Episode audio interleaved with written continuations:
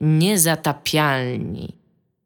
Witamy w 278 odcinku podcastu Niezatapialni. Ja dzisiaj będę waszym DJ-em, Iga Ewa Smoleńska, a są tutaj ze mną również. Tomek Strągowski. Dominik Gąska. Oraz... Trrr, Trrr. Patryk Fiałkowski. Nie, nie, Nie. tak się nazywasz. nie przygotowałeś E, się. Nie, Nie, no tak naprawdę jest z nami Adam Piechota, pseudonim Patry, Patryk Fijałkowski. E, może, może wam się wydawać, że to jest dwóch ludzi na poligami, ale to nie jest dwóch ludzi na poligami, to jest jeden człowiek, który zgarnia dwie wierszówki. Od zawsze sześć- byliśmy jeden. Właśnie to, Autor sześciu książek, nauczyciel roku, y, słynny podcaster, dziennikarz internetowy, człowiek, który robi remonty i który najprawdopodobniej doprowadzi do samobójstwa człowieka, który robi mu remont. Który co? Który robi mu remont. A. Słowem Adam jest człowiekiem wielu talentów i umiejętności i wielu osiągnięć, więc jest to dla nas zaszczyt mieć, go w podcaście. Jest również przedstawicielem e, prasy pisanej. Pisuje na PSX Extreme, czym wzbudza kompleksy wszystkich tu zebranych, którzy nie piszą Ej, w- regularnie w prasy ostatnim pisanej. Przecież, przecież Iga pisze. To z pierwszej Iga, ty też wzbudza- wzbudzasz kompleksy. A to jakby dał komik. Ja- To, to wzbudza moje kompleksy tylko. Ja bym tylko chciał powiedzieć, że Doktor Tomasz Pstrągowski, a nie Tomek. pisanej. Ale y, Adam publikuje regularnie, czym wzbudza akurat dobrze moje kompleksy, tak? To tylko o moje kompleksy chodziło. Próbowałem się jakoś tam, y, y, wiecie, jakieś poparcie, jakieś wsparcie z waszej strony sobie za darmo dostać, ale nie dostałem go, więc będę sam w swoich kompleksach. Zawsze możesz na nas liczyć, Dominik. Tak wiem właśnie. Dzisiaj mamy kolejny z odcinków tematycznych, e, który e, notabene już się odbył. Natomiast jest to ko- odbywa się jeszcze raz. Po raz A, kolejny nagraliśmy odcinek, który był po prostu tak wybitny, y, Był taki że dobry. był taki dobry i niestety w wyniku problemów technicznych musimy nagrywać jeszcze raz. Ale to dobrze, bo to jest, słuchajcie, temat remake. Właściwie jak o tym myślę, to jest idealnie. Mój Robimy pies remake odcinka, postanowił no. się drapać po plastiku, który ma dookoła głowy. Idź stąd. Dobra. Mogłaś mu nie obcinać jaj, jak chciałeś, żeby ci nie przeszkadzał. Teraz go masz na swoim sumieniu i ma, wiesz, święte prawo ci przeszkadzać. No, Ale Myślisz, tak. myśl, myślicie, że psy mają fantomowy ból, jak tracą jaja? A ludzie mają Myślę, fantomowy ból, jak tracą jaja? Może Adam nam powie, on powinien wiedzieć. Wow. Jako człowiek z prasy drukowanej, jak się czujesz bez jaj? Jak się czujesz, wiedząc, że nic po tobie nie zostanie, no? Adam, ty, prasa drukowana, masz doświadczenia. Tomasz, co jest grane? Nice. Nice, Dobra, tak, e, prawda. Klasyczna urozmaicimy... przejściówka, Adam, jakbyś nagrywał z nami od, samego początku. E, Dziękuję. A urozmaicimy... Adam, a słyszałeś, że słyszałeś, że Microsoft wprowadził nowy ray tracing? Czego ci brakuje w seksie? To, to jest klasyczne pytanie, które zawsze zadajemy gościom, więc powinieneś teraz Tak. szczerze odpowiedzieć. Partnerki. Ogólnego doświadczenia, co? Okej. Dobra, to kończąc tematy genitalno-seksualne i ten kącik tak znany, e, chciałabym was zapytać, o co jest grane, ale natomiast, znaczy, poczyniłam pewne przygotowania, zważywszy na fakt, że Tomasz e, Pstrągowski, doktor, zauważył ostatnio, że to się robi dosyć chaotyczną, e, monologiczną, tak, nie monologiczną, no monologiczną, tak? Jak się mówi monologi, to to jest monologiczne? Można tak powiedzieć? Można. Trzeci bym tak nie powiedział, ale y, udzielam ci zgody. Dziękuję. Dzisiaj możesz, tak. E, Dyspensę masz, Iga. Tak, więc Dzisiaj postanowiłam urodziny, zadawać wam takie trochę pytania, żebyście musieli trochę pokombinować i powiedzieć troszeczkę inaczej niż dobra, to jest lista gier, w które ostatnio grałem i doszedłem tutaj i mi się podobało. E, więc chciałam się was zapytać i może Adam zacznie, jako że e, jest to remake i ostatnio Adam e, nie zaczynał. Adamie, słuchaj, powiedz mi, e, jakie było twoje ostatnie popkulturowe zaskoczenie? Ostatnie popkulturowe zaskoczenie. I zawiesiłaś na Badama. Zawiesiła mnie totalnie. To jest taka dobra szkoła e, z, z, właśnie z liceum. Jak nauczyciel zada podchwytliwe pytanie, to to jest bardzo dobre pytanie, panie profesorze. Jakby tu na nie odpowiedzieć? Powtórzę je trzy razy. Sparafrazuję troszeczkę. Okej, Okej, ale to w takim razie powiem o czymś, o czym miałem nie mówić. Dominik nie chciał, żebym o tym mówił, a będę musiał w takim razie. Skoro pop kultura, to możemy powiedzieć o domu z papieru. A Ja nie powiedziałem, że ja nie chcę, żebyś o nim mówił. Możesz o nim mówić. Uważam, że on jest mega słaby, więc absolutnie Właśnie- mów o nim. Chodzi o to, że troszeczkę wstyd, że w ogóle my go wpychamy do tak poważnego podcastu. E, ale Co no, to jest wszyscy z papieru? To jest serial na Netflixie, hiszpański, co wy nie wiecie? Wiemy. No Nie, ja, wiecie, ja pewnie, że serio nie wiecie. wiedziałam. Serial o tym, że grupa idiotów y, robi napad na bank i oczywiście są, mają super inteligentnego przywódcę, nazwanego profesorem. E, dzieją im się przeróżne rzeczy po drodze i oni uciekają z pieniędzmi. Dlatego, raz- że są głupi. Nie, dlatego że y, są bohaterami hiszpańskiego serialu na Netflixie. Oni e, potra... Kurczę, ja nie chcę za dużo o tym, o tym serialu e, opowiadać. A co cię e, ale to zaskoczyło miało w być tym? z- Właśnie, co cię Co cię zaskoczyło? zaskoczyło? Co- Zaskoczyło mnie w czwartym sezonie Domu z Papieru to, że ten serial może być jeszcze głupszy niż był do tej pory, mieć jeszcze niższy poziom. Yy, Wyobraźcie sobie, że wzięliście tak dużo metamfetaminy, że mija wam, mijają 3-4 dni, których nie pamiętacie i budzicie się w środku Banku Narodowego w Hiszpanii. Mi się wydaje, że to przeżyli bohaterowie tego serialu. Koszmarny jest, nie oglądajcie. Ja obejrzałem, y, Adam, i ty jesteś nauczycielem w liceum, na pewno jesteś dużo y, sprawniejszym odbiorcą kultury popularnej niż ja, natomiast mi zajęły trzy odcinki dojść do tego wniosku, który, którego tobie zajęło cztery sezony. Ale ty to, przy, wiesz, ty miałeś ten, ten wniosek już przy pierwszym sezonie, który yy, Tak, w moim mniemaniu i- i był nie najgorszy. Że, że oni są super głupi, że ta intryga jest super głupia i to jest taka intryga i to jest takie właśnie coś, co, co my z Tomkiem często powtarzamy. To jest taka intryga, po prostu y, taki totalny, wszystkim, wszyscy mają plot armor i ten profesor on jest taki genialny, ty, ten profesor jest taki genialny tylko, wszystko, tylko dlatego, że cała reszta jest po prostu totalnymi debilami y, i genialność całego, całego planu polega na tym, że po prostu, y, wiesz, no, że, że cały plan ma plot armor, nie? Że, że po prostu wszystko ma się y, udać tak, jak tak To jak, jest a nie dlatego, jak że plan był taki genialny, tylko dlatego, że po prostu tak zaplanowano, tak scenariusz jest napisany. To jest jak skazany na śmierć. e, pamiętacie ten serial Skazany na śmierć, Prison Break? To mi się wydaje, że to jest skazany na śmierć dla postmilenialsów, czyli taki przetworzony przez te ich potrzeby. Jeszcze szybszy, jeszcze bardziej zaskakujący w cudzysłowie, no i w wyniku tego jeszcze głupszy. E, ale ja właśnie przez to, że mam taką branżę, jaką mam, no to o Domu z Papieru muszę słuchać w kółko w tym momencie po premierze czwartego sezonu i już mi uszami to wycieka. I powiedz mi No. właśnie, Adam, powiedz mi, Adam, bo to jest coś, o czym rozmawialiśmy prywatnie i wiem, jaka jest twoja opinia, ale mu powie- powiedział na antenie, bo uży, będę jej używał później w obronie, w, tak, w obronie przeciwko wściekłymi fanami. Ja kiedyś powiedziałem o tym serialu, że on jest o nastolatkach, bo tak ci bohaterowie się zachowują. Jak takie głupie, napalone nastolatki, takie 15-16-latki. E, I ktoś mi wtedy y, y, w tym, w komentarzach zarzucał, że oj, Dominik chyba o innym serialu pisze, bo Dom z Papieru jest o dorosłych ludziach. I tam być może to grają dorośli ludzie, ale oni są napisani totalnie jak taki. To jest taki serial dla nastolatków z nastolatkami, których grają może trochę starsi aktorzy. Ale jest spora szansa, że ten komentarz został napisany przez osobę nastoletnią i wiesz, ten, to wszystko się sypie, ale absolutnie Dominik, masz rację. E, Oni o niczym innym nie myślą, napadając na Bank Hiszpanii, niż e, o tym, żeby jak najwięcej swoich własnych przyjaciół tam przedymać w No, trakcie każdego sezonu. tak, no, no. tak. Absolutnie, pełna zgoda. No, to mnie zaskoczyło, tak, że jest jeszcze głupiej niż było do tej pory. Oddaję głos do studia. Rozumiem. Dominiku? Co mnie zaskoczyło? No. E, no ja. Kurde, teraz chciałem powiedzieć coś innego niż. Niż mówiłem ostatnio. I też teraz, panie profesorze, panie profesor, to jest takie mądre pytanie. E, Co mnie zaskoczyło? Zaskocze... Ale Co jak mnie- zdefiniować zaskoczenie? Sprytne, sprytne zagranie, panie profesor, nie? Zastanówmy się, czy popkultura może zaskakiwać. czasach w popkulturze zaskoczyło mnie, a także wprowadziło w osłupienie, ponieważ się tego zupełnie nie spodziewałem. No w ogóle ostatnio, w ogóle ostatnio Iga w tym naszym pierwszym wersji tego odcinka każdy dostawał inne pytanie. Je, y, każdy miał jakby swoje chyba, nie? Czy to Nie, było pu- później? później, później A, to było później. To było później. Nie, no to ja powiem, to powiem to samo w sumie, co, co mówiłem wcześniej, bo to jest taka rzecz, która mi najbardziej przychodzi do głowy. No gram ostatnio w tą grę Irony Curtain, y, którą dostałem. To jest taka przygodów, przygodówka point and click, zrobiona przez polskie studio Artifex Mundi, które swoją drogą jest chyba znane z trochę innego rodzaju gier. Mi się zawsze ono bardziej kojarzyło z takimi y, hidden object grami, Hopami. a nie takimi klasycznymi, tak.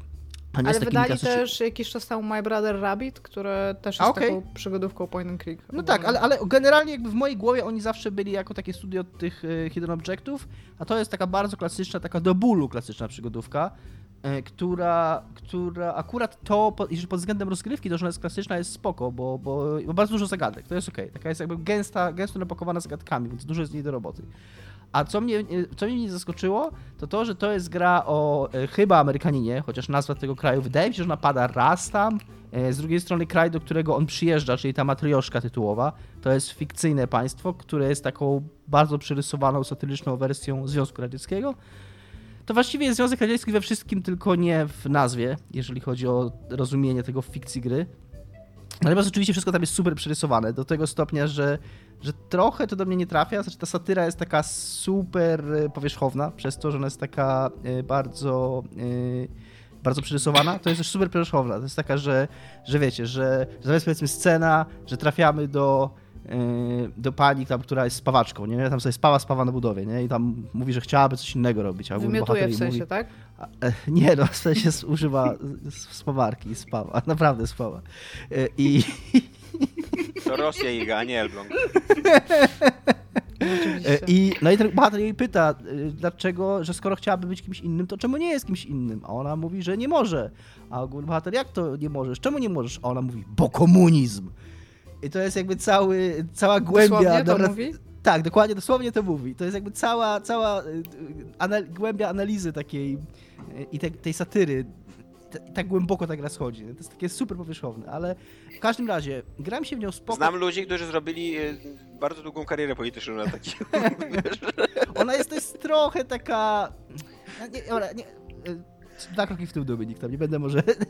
E, W każdym razie, co mnie zaskoczyło, i to mnie akurat miło, mile zaskoczyło, że bardzo często w takich dziełach kultury, które opowiadają o. e, Szczególnie takich z naszego, takiego zachodnioeuropejskiego kręgu kulturowego, które opowiadają o jakimś doświadczeniu, czy o państwach e, spoza zachodniej strefy wpływów, nie wiem, w każdym razie nie anglojęzycznych, to, to jeżeli to jest tam anglojęzyczna kultura, to na ogół po prostu przyjmujemy, że w Rosji ludzie mówią po angielsku z rosyjskim akcentem, nie? Jakby to jest ogólnie przyjęte. Właśnie, e, e, Affirmative.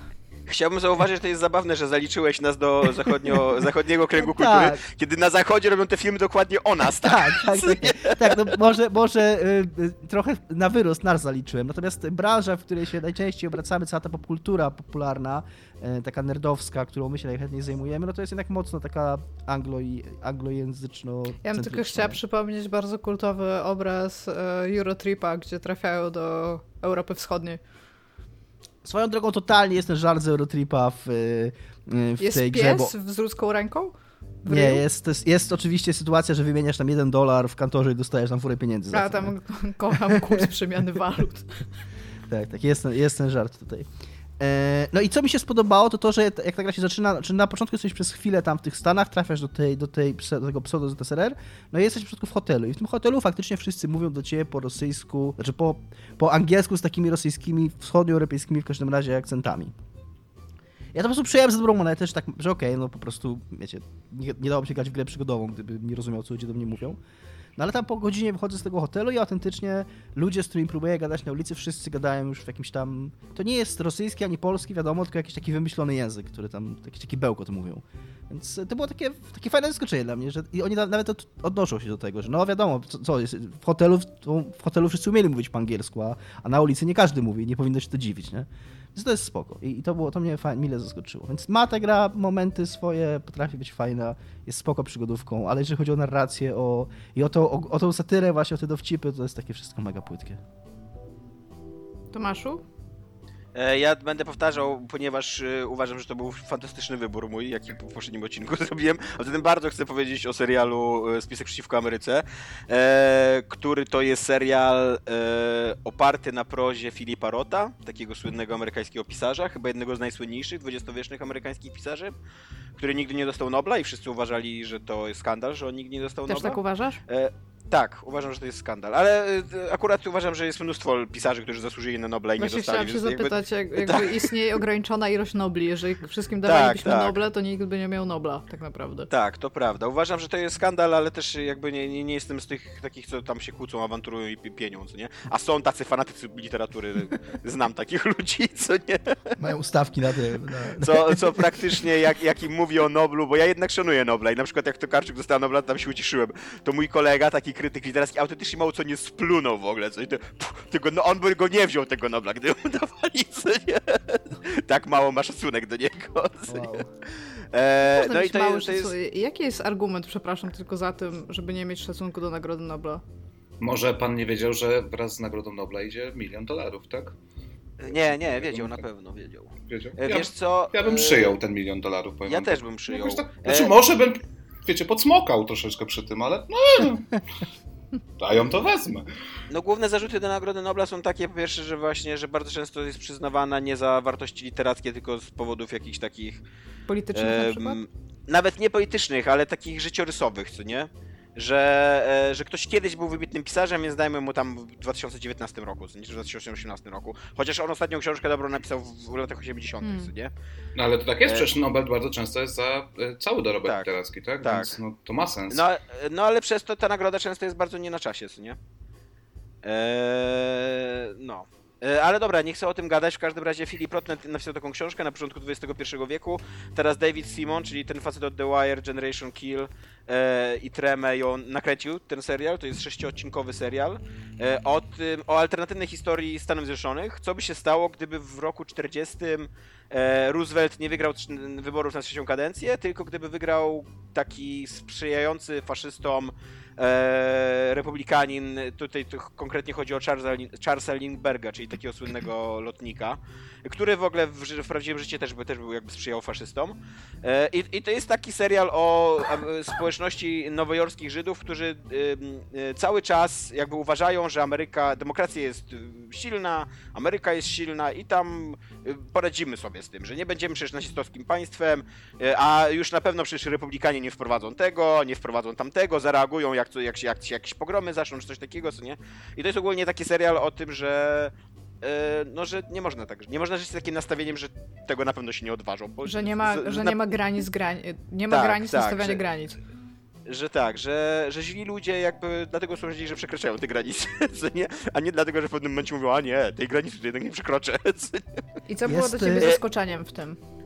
Bardzo mnie zaskoczyło zakończenie tego serialu, e, ponieważ on, książka w ogóle jest główna krytyka wobec tej książki, która jest bardzo dobra, to jest bardzo dobra powieść, bardzo dobrze się czyta, ale główna krytyka wobec tej książki jest wobec zakończenia, które jest takie dosyć e, bajkowe, takie chóroptymistyczne, które jakby tam literalnie się okazuje, że to jest spisek przeciwko Ameryce, że no już nie będę tłumaczył w szczegółach, ale jakby przychodzi takie nagle deus ex machina, dzieją się jakieś, e, jakieś takie terefere, w ogóle przetasowania na, na, na szczytach władzy i nagle się okazuje, aha, to o to chodziło i no przecież Ameryka jest dobra i demokracja zwycięży i w ogóle tutaj bla bla bla, co nie? I e, bardzo mi zaskoczyło to, jak David Simon, David Simon z tego wybrnął. On już e, jakby godząc się na ten serial, rozmawiał z, z Filipem Rotem, mówił, że on nie wyobraża sobie, żeby zrobił takie zakończenie, ale też e, jakby cały ten serial jest bardzo wierny książce, więc zastanawiałem się, no jak czy on, czy on w ogóle zupełnie zrobi jakąś woltycznie.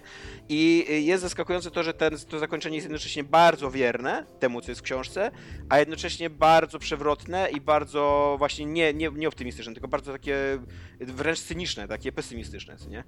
Więc tak, u, uważam, że to jest mistrzostwo świata, jak to zostało W rozwiązane. ogóle Nie ty będę chyba, tutaj- ty chyba mówiłeś ostatnio w tym, na tym pierwszym nagraniu, co mnie bardzo zaciekawiło, że on to jeszcze konsultował z Rotem. Rot tam nie żyje od dwóch lat, sprawdzałem to, ale co ciekawe, jest wymieniony w tym serialu jako, współ, jako co-executive producer. A to możliwe, nie, nie, nie wiem nawet, jaką rot miał jako Tak, rot- tak, jest, rot y, miał, więc- bo zacząłem to oglądać dzisiaj właśnie po twoich namowach i zwróciłem uwagę, że w, czołówce y, jest normalnie wymieniony jako co-executive producer. To jest w ogóle, e, jak się zna życiorys Filipa Rota, to jest w ogóle ten, te, ta, ta książka i ten serial jest ciekawy, bo Rot zawsze pisał tak quasi autobiograficznie, zawsze tak sugerował, że to jest trochę o nim i jego rodzinie, bo on zawsze pisał o doświadczeniu Żydów w Ameryce, ale akurat w spisku przeciwko Ameryce on używa prawdziwych imion swojej z siebie, tam główny bohater, taki gdzieś chłopak to jest Filip, I cała ta rodzina jest nazywana po rodzinie A, to się, właśnie się zastanawiałem, czy to przypadkowa Tak. zależność, czy... Nie, Ja nie, tylko- nie. I właśnie tak się wydaje, że chodziło o to, żeby to poczuć jeszcze bardziej jakby... Jasne. Ja mam taką uwagę, jako że zacząłem to oglądać, to mogę coś dodać od siebie. Yy, tam obejrzałem jeden odcinek i zacząłem oglądać drugi, zanim, zanim yy, zaczęliśmy nagrywać, tam jakoś do połowy obejrzałem ten drugi. I co mi się bardzo, bardzo podobało, yy, bo na razie nie mam jakiejś opinii w, te, w tę czy inną stronę, ale co bardzo zwróciło moją uwagę i bardzo mi się spodobało, to jak Wydaje mi się, że bardzo świadomie, on jest teoretycznie historyczny, a tak naprawdę bardzo nawiązuje do współczesnych Tak. wydarzeń, do współczesnej sceny politycznej. Jakby bardzo czuć w, tych, w tym, jak te postacie rozmawiają ze sobą, w tych wydarzeniach, które są przedstawiane, bardzo czuć, że, że on jest zrobiony dla współczesnego widza i współczesny widz ma go sobie odnosić do współczesnej sytuacji. To mi się skojarzyło trochę z Peaky Blinders, które zrobiło bardzo podobny motyw w ostatnim sezonie, wprowadzając, to jest sprawdziłem w szkole Wikipedii, Filipa, nie Filipa, przepraszam, Oswalda Mosleya, czyli przywódcę brytyjskiej Unii Faszystów, który jest tam postacią w ostatnim sezonie i którego spotyka główny bohater. I w tamtym serialu jest to dużo mniej subtelne. Znaczy, jest to ok, jest to spoko wątek, ale miałem takie wrażenie, że on jest taki bardzo, tako, takie, mm, bardzo niezręcznie wprowadzony, tak bardzo, znaczy nie niezręcznie, jak to powiedzieć, taki tak nie, bez, bez takiego, taki bardzo niezniuansowany, taki bardzo czuć, że to jest, co chcą oni pokazać, co chcą powiedzieć i to mniej to się odbiera jako, wiesz, wiecie, że jakieś coś, że jako faktyczną postać, którą, która ma rolę w serialu, a bardziej jako totalnie taki statement polityczny, taka deklaracja polityczna autorów serialu. Natomiast w tym spisku przeciwko Ameryce, na tyle co obejrzałem, i jest to wszystko takie bardzo autentyczne. Bardzo czuje się to, to, że tam głównymi bohaterami jest taka zupełnie przeciętna rodzina, która ma takie zupełnie przeciętne problemy, to dzięki temu dużo łatwiej i to wszystko wydaje się takie mega autentyczne. Ale wiesz co, mi się wydaje, że to jest absolutnie niezamierzone, że to jest autentycznie taki jakiś profetyzm Filipa Rota, bo to jest książka z 2004 roku i jak Okej. ja ją czytałem, ja ją czytałem ze 4 lata temu, jak Trump dochodził do władzy, to ją się tak samo współcześnie odbierało. Mi się wydaje, że po prostu Rot jakoś, nie wiem, albo wyczuł, co się stanie, albo po prostu, bo, bo, albo po prostu to, to, co się dzieje, jest tak podobne do narodzin Mhm. faszyzmu, że, że być może powinniśmy tak zacząć to uważnie obserwować. Co nie? No, w każdym razie to chciałem powiedzieć i, i, i to mnie zaskoczyło. To ja wam mogę powiedzieć, co mnie zaskoczyło ostatnio, jeżeli chcecie. E, Dajesz. Nie, ja nie chcę. Adam, chcesz? Adam, Ty decyduj. głos? Twoja, twoja, tak. Tak, tak, usłyszmy to. Dobrze. A, mięczak. nie będę znowu mówić o Resident Evil 2, w które gram, bo Dominik już dosyć dużo o tym powiedział. Gram też w Vampira, o którym teraz nie chcę powiedzieć, ponieważ e, Tomasz Nie, od jakiegoś miałeś coś czasu... powiedzieć, właśnie mia, miałeś coś powiedzieć, przepraszam, o Resident Evil 2 przed nagraniem i ja ci przerwałem, żebyś na nagraniu A powiedział. to, to, to mogę po tym coś dodać, ale chcę wam coś Dobrze. powiedzieć. E, Dobra, no Tomasz dostał ode mnie Jedi Fallen Order. W sensie- Nie ja. Nie ten Tomasz, Nie tak. ten Tomek. Tomek 2. Dostał ode mnie Jedi Fallen Order. I to jest wysokobudżetowa gra EA, nie? I ja trochę odpadłam od wysokobudżetowych gier, jeszcze szczególnie takiego studia jak EA. Rzadko kiedy w nie gram. Więc jak ta gra się zaczyna, to ona wygląda w ogóle fenomenalnie. To ona wygląda w ogóle jak fan Gwiezdny Wojny. Wszystko... Ja nie wiem, czy graliście. Ja przyszedłem, tak. No bo tam... Ja nie. Jak ona się zaczyna, to ona wygląda Ona ma bardzo dobre otwarcie. ma, jest naprawdę nie dość... Powiem, że Adam też nie grał, bo pokręcił głową do kamery. Tak. Teraz potwierdził ruchem głowy. Teraz, po, teraz pokiwał.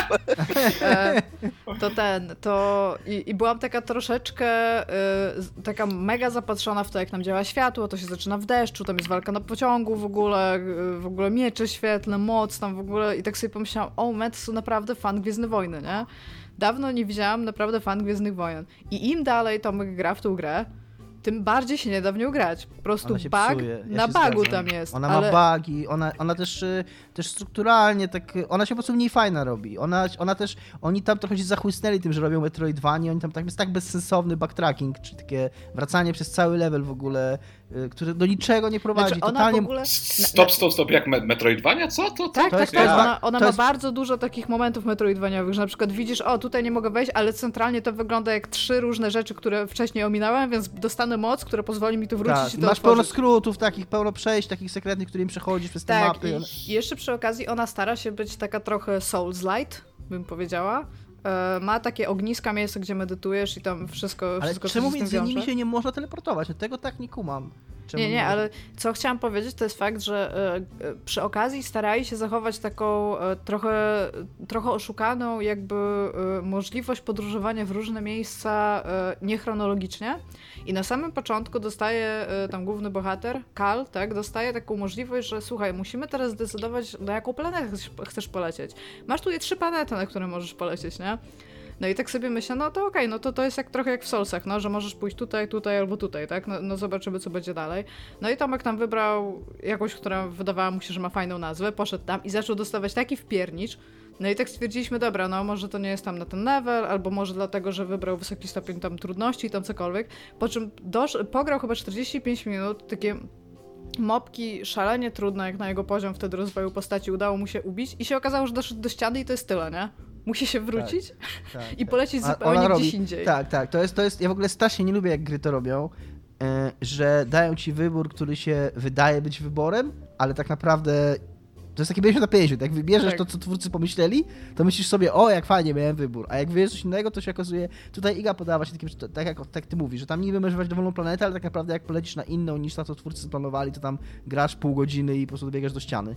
Tak, że nie E, masz, że fizycznie nie masz mocy, żeby tam wejść na przykład, nie? Jest też fajny motyw, o którym mi ostatnio Patryk Fiałkowski, ten prawdziwy Patryk Fiałkowski, który gra teraz w Assassin's Creed y, Odyssey. I w Assassin's Creed Odyssey jest taki moment, to jest, to jest dosyć blisko początku, więc to nie zresztą też na początku wiesz, że masz to zrobić, no. Że masz zabić swojego ojca. I masz do wyboru, czy go zabić, czy nie, po, po walce. Zabija, jakby, yy, wiecie, kończy się walka i możesz mu albo darować życie, albo go zabić. I ja go zabiłem, co było właściwym wyborem i później wszyscy, y, wszyscy się odnoszą do tego, że go zabiłeś, wszyscy zachowują się tak, jakbyś go zabił, więc wszystko jest okej, gra się spina. Natomiast Patryk Fiałkowski go nie zabił. I jego doświadczenie jest identyczne jak to, które ja miałem, czyli wszyscy y, mówią do niego, jakby go zabił, wszyscy zachowują się, jakby go zabił. Jakby gra w ogóle nie przyjmuje Czyż nie każdy metaforycznie zabija swojego ojca? Więc jakby, więc e, masz wybór, ale wiecie, tylko jeden wybór jest, jest, e, będzie uznawany przez grę. No w każdym razie jestem zaskoczona, jak, jak ta gra mogła być dobra i jak to, że widać, widać po prostu, że tą grę zrobiły pieniądze. My nawet ostatnio w takiej rozmowie z moim takim kolegą deweloperem e, powiedziałam, że ewidentnie właśnie po tej scenie początkowej, gdzie widać, kurde, odbicie e, tego światła w każdej tam kropli deszczu, jak podnosisz ten, ten miecz świetny, albo tam tą kompozycję kolorystyczno-światłowe, które są na samym początku. Ja mówię, że po prostu widać, że oni wzięli wór pieniędzy i kazali tym pieniądzom robić tą grę, że ja już nawet nie wierzę, że tam byli jacyś ludzie, nie? I on mówi, że nie, że EA robi tak grę, że jest taki bankomat i oni tam po prostu wkładają maksymalną ilość pieniędzy i wychodzi płyta z grą, nie? No, no i, i, i ja byłam naprawdę pod ogromnym wrażeniem. Ja chciałam zobaczyć, co jest dalej, nie? Wczoraj, ta, tam są takie sekwencje, że, bo to jest gra wybitnie przygodowa, tam wszystko jest po prostu tak bardzo wyreżyserowane na taką, no, właśnie- cały czas coś się dzieje, nie? No właśnie, tylko że Iga, ja miałem taki problem z nią, przepraszam, że ci się wetnę, że, że to jest wszystko prawda na początku, że ona ma takie w ogóle fajne otwarcie właśnie, że jesteś tam jakimś typkiem na, na, tym, na e, jakimś wysypisku śmieci, że tam nagle jesteś w wir przygody rzucony i tam, oho, będzie przygoda, uhu, tam kilo nowej przygody, super, jestem bohaterem, biegnę, biegnę. Tam biegniesz przez godzinę, trafiasz do świątyni i mówią ci, dobrze, to teraz, żeby pójść dalej, poleć na trzy planety i znajdź trzy klucze, żeby otworzyć te drzwi. I cała fabuła się sprowadza po prostu do znajdź trzy klucze. Tak, ale o co mi chodzi, to taki minute-to-minute gameplay jest nastawiony bardzo na akcję. Na przykład są takie sekwencje, e, że jest taka jakby lodowa zjeżdżalnia, gdzie Kal oczywiście zjeżdża tak na nogach, jakby zjeżdżał na jakiejś tam co najmniej desce surfingowej. I on ma tak dużą bezwładność, ta postać, że to jest w ogóle, to, to jest po prostu ruletka. Czy ty trafisz w ścianę, czy nie trafisz w ścianę, czy spadniesz stamtąd, czy nie spadniesz stamtąd. I gra jest frustrująca po prostu przez to, że jest niekompetentnie zaprojektowana. W sensie realnie nie da się w nią czasami grać. I ja nie rozumiem, Wiesz- w jaki sposób EA wydało taką grę. Skoro już mówimy o naszych zaskoczeniach i o ruletce, to chciałbym powiedzieć, że moje doświadczenie z XCOM e, Chimera, z Chimera Squad jest, jest takie, że odpalanie tej gry to jest trochę ruletka. Ona też, e, jak, jak zresztą wszystkie XCOmy, nie jest w najlepszym stanie technicznym. E, I jest tak, że jak w ogóle jak klikasz w e, Play na, na Steamie, to się nic nie dzieje. To jest taka, taka cisza, co nie? I teraz, teraz się zastanawiasz, czy zadziałało, co nie? Później się pojawia ikonka. Nie pojawia się pasek na dole tam, e, na, na, tym, na tym pasku otwartych programów, tylko tam w boku, koło zegara, co nie? Gdzie mi się nigdy gry nie pojawiają, co nie? Bo okazuje się, że to się launcher dopiero odpala, ale launcher, jak, jak klikniesz na to, to ten launcher się pokazuje na ekranie, od razu jest taki biały ekran tylko i od razu jest to, to okno jest e, brak odpowiedzi, co nie? już, już jakby Windows ci, ci, sugeruje, że to, że to już jest przesrane, nie? I dopiero po jakimś czasie, po jakieś tam pół minuty, ten launcher zaskakuje, to białe okno się pojawia prawdziwy launcher i wtedy musisz kliknąć play żeby zagrać w grę. I jeszcze, się, jak się włączy już gra, to jeszcze na, na, jak, jak, lecą e, dwa pierwsze takie ekrany tytułowe, jest tam Firaxis i, i czegoś, jakiegoś jeszcze studia, e, to nie wiem, czy one są c, c, tak celowo tak zrobione na takie retro i słaba rozdzielczość i tak dalej, czy, czy po prostu rozdzielczości nie łapie gra, ale to autentycznie wygląda, miałem takie uczucie, że no dobra, to jeszcze gra się źle odpaliła, co nie? I dopiero po tym, po tym drugim ekranie, a nie, jednak jest okej, okay, jednak, jednak koniec nerwu. Oni pewnie, ludzie, którzy to robili tą grę, pewnie e, outsourcowali część do, y, do tego teamu, który robił interfejs Steama. Że Może tak. Też nigdy nie wiadomo, Albo czy się nie. włączy, czy nie. E, chcemy zrobić takie spotkanie u Xowców tam, nie?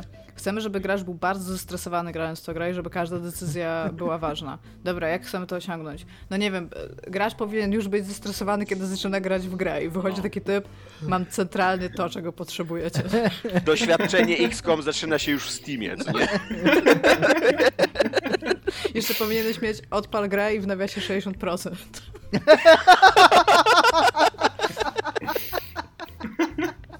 Dobrze, to teraz zrobimy tak. Tomku, powiedz mi, co było najfajniejszego w najgorszej rzeczy, w którą ostatnio grałeś lub widziałeś. A nie rozmawiamy jeszcze o tych, yy, znaczy o, no wiesz, remasterach i tak dalej? Nie, jeszcze, nie? jeszcze, jedno, jeszcze jedno pytanie. E, najlepszego w najgorszej rzeczy? No. To jest dobre pytanie. To jest skomplikowane. Co było? To jest dobre pytanie, tak, pani profesor.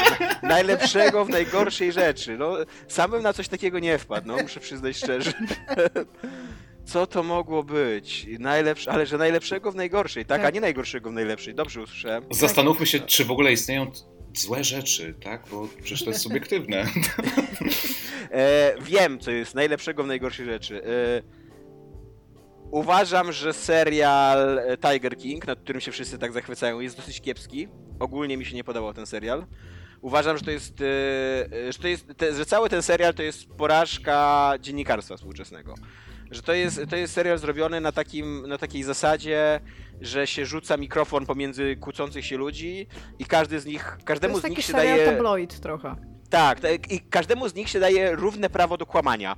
I, i, i twórca tak staje i mówi, no widzu, sam zdecyduj, kto mówi prawdę, co nie? Ja mówię, nie no, kurde, po to jesteś dziennikarzem, żebyś ty doszedł do jakichś, jakichś faktów, co nie? A nie tylko przedstawiał mi skrajne opinie i...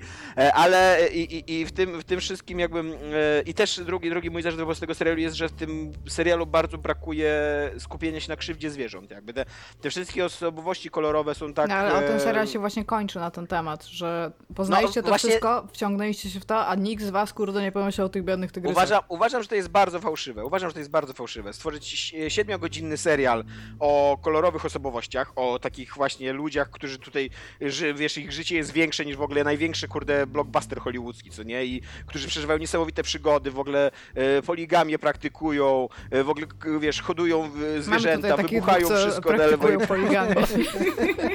tak. I, a na, ale, ale na końcu masz taki listek figowy, no i jeszcze te zwierzęta, co nie? I jeszcze te zwierzęta. A czy widziałeś ten odcinek po serialu, ale... który ostatnio dodali? Nie, nie, nie widziałem go, nie widziałem go. Ale uważam, że pomimo tego, że jakby mi się nie podobał, e, to jednak e, jakby e, sam taki dostęp do tych osobowości, jak on mi dał, takie, żeby się przekonać, że tacy ludzie istnieją naprawdę, że to nie jest jakiś wymysł, to nie jest jakiś mit o Ameryce, nie? Tam jest, tam jest jedno takie w ogóle ujęcie, na które nie, w, ogóle, w ogóle w tym serialu nie zwracasz uwagi, co nie? Bo to już jest na, na poziomie szóstego czy siódmego odcinka. Jedzie facet bez dwóch nóg, z protezami, jedzie w Formule 1, obok niego na, na miejscu szkielet. pasażera jest szkielet, a na, a na masce ma namalowanego takiego wielkiego, groźnego klauna, co nie? I to, to jest taka formuła, taka niebieska w ogóle z, tam z neonami dookoła i tak dalej, co nie? I to jest najnormalniejszy widok w tym serialu, nie? To już jest, to już jest, to już jest, to już jest na takim etapie, tu już jesteś sobie okej, okay, no luz, piątek, co nie? Co nie? Bo naprawdę tam są takie osobowości, co nie? Albo w drugim odcinku w drugim odcinku pojawia się taka kobieta, która e, tam pracowała w jednym z tych, e, z tych zlotów właśnie trzymających te, te tygrysy i ona się wyrywała z tego. Ona się, to w ogóle takie było seksiarskie towarzystwo, ona się wyrywała z tego i dzisiaj prowadzi normalne życie. I ona tam występuje przed tą kamerą normalnie w swetrze, spodniach, leży, e, siedzi na fotelu z kubkiem kawy i mówi prosto do kamery. Tak, e, i, i tak, wiesz, aż, ja, jak oglądałem to z Iwoną, to aż zrobiłem taką stopklatkę i sobie myślę, Jezu, są jeszcze na świecie normalni ludzie. więc tak, więc to, te, ten dostęp jakby do tych, do tych osobowości i do tego, ja, ja, ja, jak i ten, i ten Tiger King i ci wszyscy ludzie, którzy go, i ta Karol Baskin e, i ten... Tak, no. i ten koleś e, tam, który, który w Hollywood kręci te wszystkie filmy, zapomniałem jak on się nazywa. E, e, no nie, niesamowite to jest, nie, niesamowity taki przegląd przez gatunek ludzki, co nie? Ja ci naprawdę polecam zobaczyć ten ostatni... E, ostatni odcinek, który oni dodali, bo to jest po prostu po iluś latach e, odkręcania tego, bierze tych jakby najważniejsze postaci i typ zadaje im bardzo fajne pytania. No może spróbuję. No. I też przy okazji właśnie on ma takiego prowadzącego, który w miarę śmiesznie, kompetentnie mówi, ale też tak raczej z, pazu z pazurem zadaje im te pytania, co jest dosyć w porządku. Dominik? E, ja trudno mi, e, trochę myślałem dosyć długo w tym czasie jak Tomek, chociaż starałem się słuchać Tomka tego, co naprawdę, bo to było bardzo ciekawe, więc ciężko mi było myśleć o czymś innym, ale no, mi przed tylko, jedyne co mi przychodzi do głowy w odpowiedzi na, pytanie, na to pytanie, to w zeszłym razem opowiadałem o serialu Westworld, który oglądam jako takie guilty pleasure, który uważam, że jest strasznie głupi na tym etapie, na jakim jest, ale, ale jakoś sprawia mi przyjemność oglądania go i Friday. To y, jednocześnie ktoś mi Śmierć polecał... Jest chyba przereklamowana. Chyba, tak, tak. Chyba Szymon Adamus polecił mi serial Devs. Y, na, również na HBO. Y, to jest serial robiony przez Alexa Garlanda, czyli człowieka od Ex Machiny, człowieka, którego my w Gierkowie bardzo szanujemy za Enslaved, którego był scenarzystą. E, który, no też jeszcze parę innych rzeczy w Hollywood zrobił. No. I, I jest, i on jest właśnie głównym show, showrunnerem, e, scenarzystą, chyba reżyserem. Anihilację też. chyba też zrobił. Tak, Anihilację, Anihilację, tak, tak. I to jest serial, on ma trochę dla mnie ten sam problem co Westworld, czyli jest taki strasznie nadęty i on taki strasznie mądry chce być, on taki strasznie ambitny chce być, on takie straszne, taką straszną prawdę o ludzkości chce nam pokazać i o tym, gdzie zmierzamy. On jest swoją drogą, ma podobny temat jak, jak nowy sezon Westworld, czyli jest o determinizmie, e, że tam wydaje mi się, że, że jakby zalążkiem fabuły, wydaje mi się, mówię, bo obejrzałem pół godziny, wytrzymałem pierwszego odcinka, tak złe to dla mnie było ale, ale że chodzi tam o to, że, że oni odkrywają jakiś, jakąś metodę, tylko tam jest bardziej chodzi chyba o fizykę kwantową niż o niż jakieś tam algorytmy bazujące na predykcyjne. Od wielkie litery. Tak, tak, bazujące na zachowaniach ludzi. Ale w każdym razie też odnajdują jakiś sposób na, na w cudzysłowie nie tyle przewidywanie przyszłości, co po prostu orientują się, że nie ma czegoś takiego jak przyszłość, że po prostu wszystko jest deterministyczne, że wszechświat jest deterministyczny, nie? czyli że, że po prostu wszystko się dzieje tak, jak ma się dziać, tak? I że, i że tak naprawdę nie ma, nie ma wolnej woli. E, I, i, I dla mnie to jedyne, co było najlepsze, znaczy, co zapamiętałem z tego pół godziny, to yy, miałem na te, później na ten temat rozmowę z Owsianym, to jak główny bohater, chyba wydaje mi się, tego serialu, on dostaje e, awans w firmie i właśnie do tego oddziału devs yy, trafia, który zajmuje się tymi tajemniczymi rzeczami. My nie wiemy jeszcze na tym etapie, co to są za tajemnicze rzeczy. On też nie wie, ale to jest bardzo takie prestiżowe stanowisko, więc chce tam być. No ale trafia w końcu do tego, do tego pokoju, tam przychodzi jakieś w ogóle takie, oczywiście takie w super mistycyzmie jest to wszystko zrobione, e, czyli że tam w ogóle e, to jest jakieś takie, jakieś takie piramidzie, jakieś takie złoto tam wszędzie jest, oni tam są jakieś, prawie że mnichami ci, ci programiści. No i on siada przed tym komputerem, nie? I pyta swojego szefa, no dobra, to co ja mam tu teraz robić na tym moim nowym, e, wyczesanym, ambitnym stanowisku, nie? Znaczy nie mówię takimi słowami, no ale tak zadaję mu wprost pytanie, co ja mam teraz robić. A ten szef na niego patrzy, mruży oczy i mówi, domyślisz się. I miałem takie... Ale czy, czy w ogóle e, e, wydział w, e, w super informatycznej, nowoczesnej firmie w serialu kręconym w 2020 roku nazywa się Devs? I, tak, i, i oni... tak, tak. I swoją drogą, swoją drogą on się, ten, jego szef go pyta, jak myślisz, czym się zajmuje dział Devs? A on mówi, no, po skrócie devs, to wnioskuję, że chodzi o development. Geniusz! Geniusz, bierzemy go! I to jest naprawdę... I no, no nice. sorry, znaczy... I, I, było to dla mnie śmieszne, ale to nawet nie było takie, takie śmieszne jak Westworld, że było śmieszne i fan, tylko miałem takie fakt nie. I później do naszego przyjaciela Owsianego, który występował parę razy parę razy w Niezatapialnych, który pracuje jako informatyk od bardzo dawna. Spytałem go, czy miał kiedyś takie doświadczenie na rozmowie o pracę, czy jak dostał awans, że spytał szefa, co mam robić, a szef zmrużył oczy i tajemniczym, konspiracyjnym szeptem powiedział, dojdziesz do tego. I czekaj, czekaj, Owsiany jest devs? No Wow. jest, owsiany jest devs. Ej, ja mam serio takie doświadczenie z mojej obecnej pracy. Z, mogę, mogę taką historykę, krótką anegdotę? Jak wszedłem do, szkoły, wszedłem do szkoły pierwszy dzień, e, zostałem przyjęty przez swoją szefową, zaprowadziła mnie na drugie piętro, powiedziała, tutaj jest pokój nauczycielski, na pewno pan sobie poradzi, po czym mnie zostawiła. Nie wiem, godzinę później poprowadzić 5 godzin, nie wiedziałem, gdzie są klasy, gdzie się bierze klucze, nic nie wiedziałem. Wiecie, Może to tak powinien być było- serial nauczyciela. Więc Jesteś Więc- teachers? Brakuje właśnie tego, żebym krzyknął za nią tak, że ale pan, proszę pani, co ja teraz będę robił? Domyślisz się. To jest taki, e, to jest taki, wiesz, taki test. Jeżeli przeżyjesz pierwszy dzień, to że się nadajesz do tej roboty. Trochę prawda. A poradziłeś sobie? E, nie, nie, zwolnili mnie. A. Smutna historia. Adamie. E, ja bym tego chciał powiedzieć, że trudniejsze pytania mamy dzisiaj niż w pierwotnej wersji tego odcinka i trzeba się nad nimi zastanawiać w ogóle. Miałeś, miałeś A- kurde, e, wersję próbną, wiesz, miałeś e, No. próbę, to teraz prawdziwa, prawdziwe wyzwanie. Tak, ale słuchałem was i tak sobie teraz dopiero pomyślałem, żeby się przydało, ale na szczęście pamiętam, co jest najgorszą rzeczą, z jaką miałem styczność ostatnio. E, miałem nieprzyjemność czytać ostatnią książkę Jakuba Żulczyka. O, E, fuck. Po, po ostatniej książce, e, znaczy po przedostatniej książce Żywczyka powiedziałem, że już nie, już. I teraz, teraz jak wyszła ta książka, co już miałem? Nie. Ale e, Tomasz, ty wiesz, o czym jest w ogóle nowa książka? Wiem, że to jest jakiś o faszyzmie w Polsce i o tym, że jest jakiś naziol, który tam lewaków łowi i odkrywa w sobie dobro, coś takiego, tak? E, głównym bohaterem tej książki jest Wow. mężczyzna, mężczyzna o imieniu, bo on już powiedział, że to jest jego nowe imię, on nie ma prawdziwego takiego ludzkiego imienia, on ma na imię Gruz. E, i, i, I on...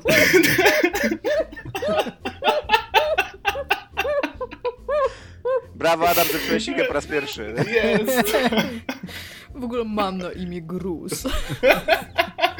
E, I on żyje e, w Polsce takiej za 20 lat. To jest takie dziwne post-apo, e, gdzie apokalipsą jest moment, w którym chyba partia rządząca w Polsce łączy się z kościołem katolickim i partia jest tak w połowie kościołem i prezesem partii jest ojciec e, prezes, ojciec prezes chyba tak jest nazywany i rzeczywiście oni wynajmują sobie faszystów, takich neofaszystów do likwidowania lewaków w Polsce i główny bohater Mają w ogóle, można wtedy w tamtych czasach faszystów na przykład sobie wynająć tam z ogłoszenia, na przykład wynajmij sobie Nie, nie, nie, chodzi o to, że. Albo e, Uber, tam taki Uber dla, dla faszyzmu. Uber to jest dobra nazwa dla Tak, takie faszyst. Uber to by przeszło, co? Ale to w ogóle. I to jest zajebiste marketingowo w ogóle. nazywa się Munch. Wpierdol z dostawą do domu, tak? Przecież można sobie zamówić. Po co masz się szwedać po mieście? Przyjdziemy, załatwimy sprawę. E, I, e, Faktycznie macie rację, nawet nie trzeba nazwy zmieniać, może po prostu Uber. I tam rzeczywiście przychodzą e, duchowni do, do bohaterów faszystów, e, żeby zajęli się e, niewygodnymi jednostkami, gwałcili ich. Tam są przeróżne sceny. Bardzo często jest. E, czyta się o czymś takim, że główny bohater, czyli Gruz, wraz ze swoim przyjacielem, gwałcąc kobietę, e, obo, obaj wkładają jej swoje członki do ust i pocierają się tymi członkami w jej ustach, i to sprawia im bardzo dużą satysfakcję, więc e, już wiecie, z jaką literaturą macie do czynienia. Aczkolwiek w pewnym momencie on dostaje Jej to taką. sprawia fan- w- satysfakcję, czy im? Znaczy ona płacze, bo ona wkrótce zginie, ale im to sprawia satysfakcję, bo oni tak w skrócie są zakochani w sobie, tylko że są faszystami, więc nie można tego powiedzieć, tak? To jest słabość. Eee, I Gruz dostaje taką swoją ostateczną misję, żeby e, przetransportować z, z, z, z, zagranic Polski do, do samej Warszawy. Eee, jak to on tam pięknie opisuje, ciapaka wraz z jego matką. Dostaje taki towar żywy i on musi ciapaka przetransportować, co bardzo mu jest nie na rękę. Okazuje się, że ten ciapak jest e, nowym wcieleniem Jezusa Chrystusa, który zszedł na ziemię po raz kolejny nas zbawić. Ta jego matka to jest oczywiście e, Matka Maria. Boska. Tak, tam się, dzieje, tam się dzieją dziwne rzeczy. On uprawia seks, główny bohater z Matką Boską. e, Matka Boska go ujeżdża i w ten sposób go leczy z jego e, wewnętrznych jakichś takich... No nie do, nie do końca, ale e, otwiera w nim empatię, tak? Przez ten akt seksualny.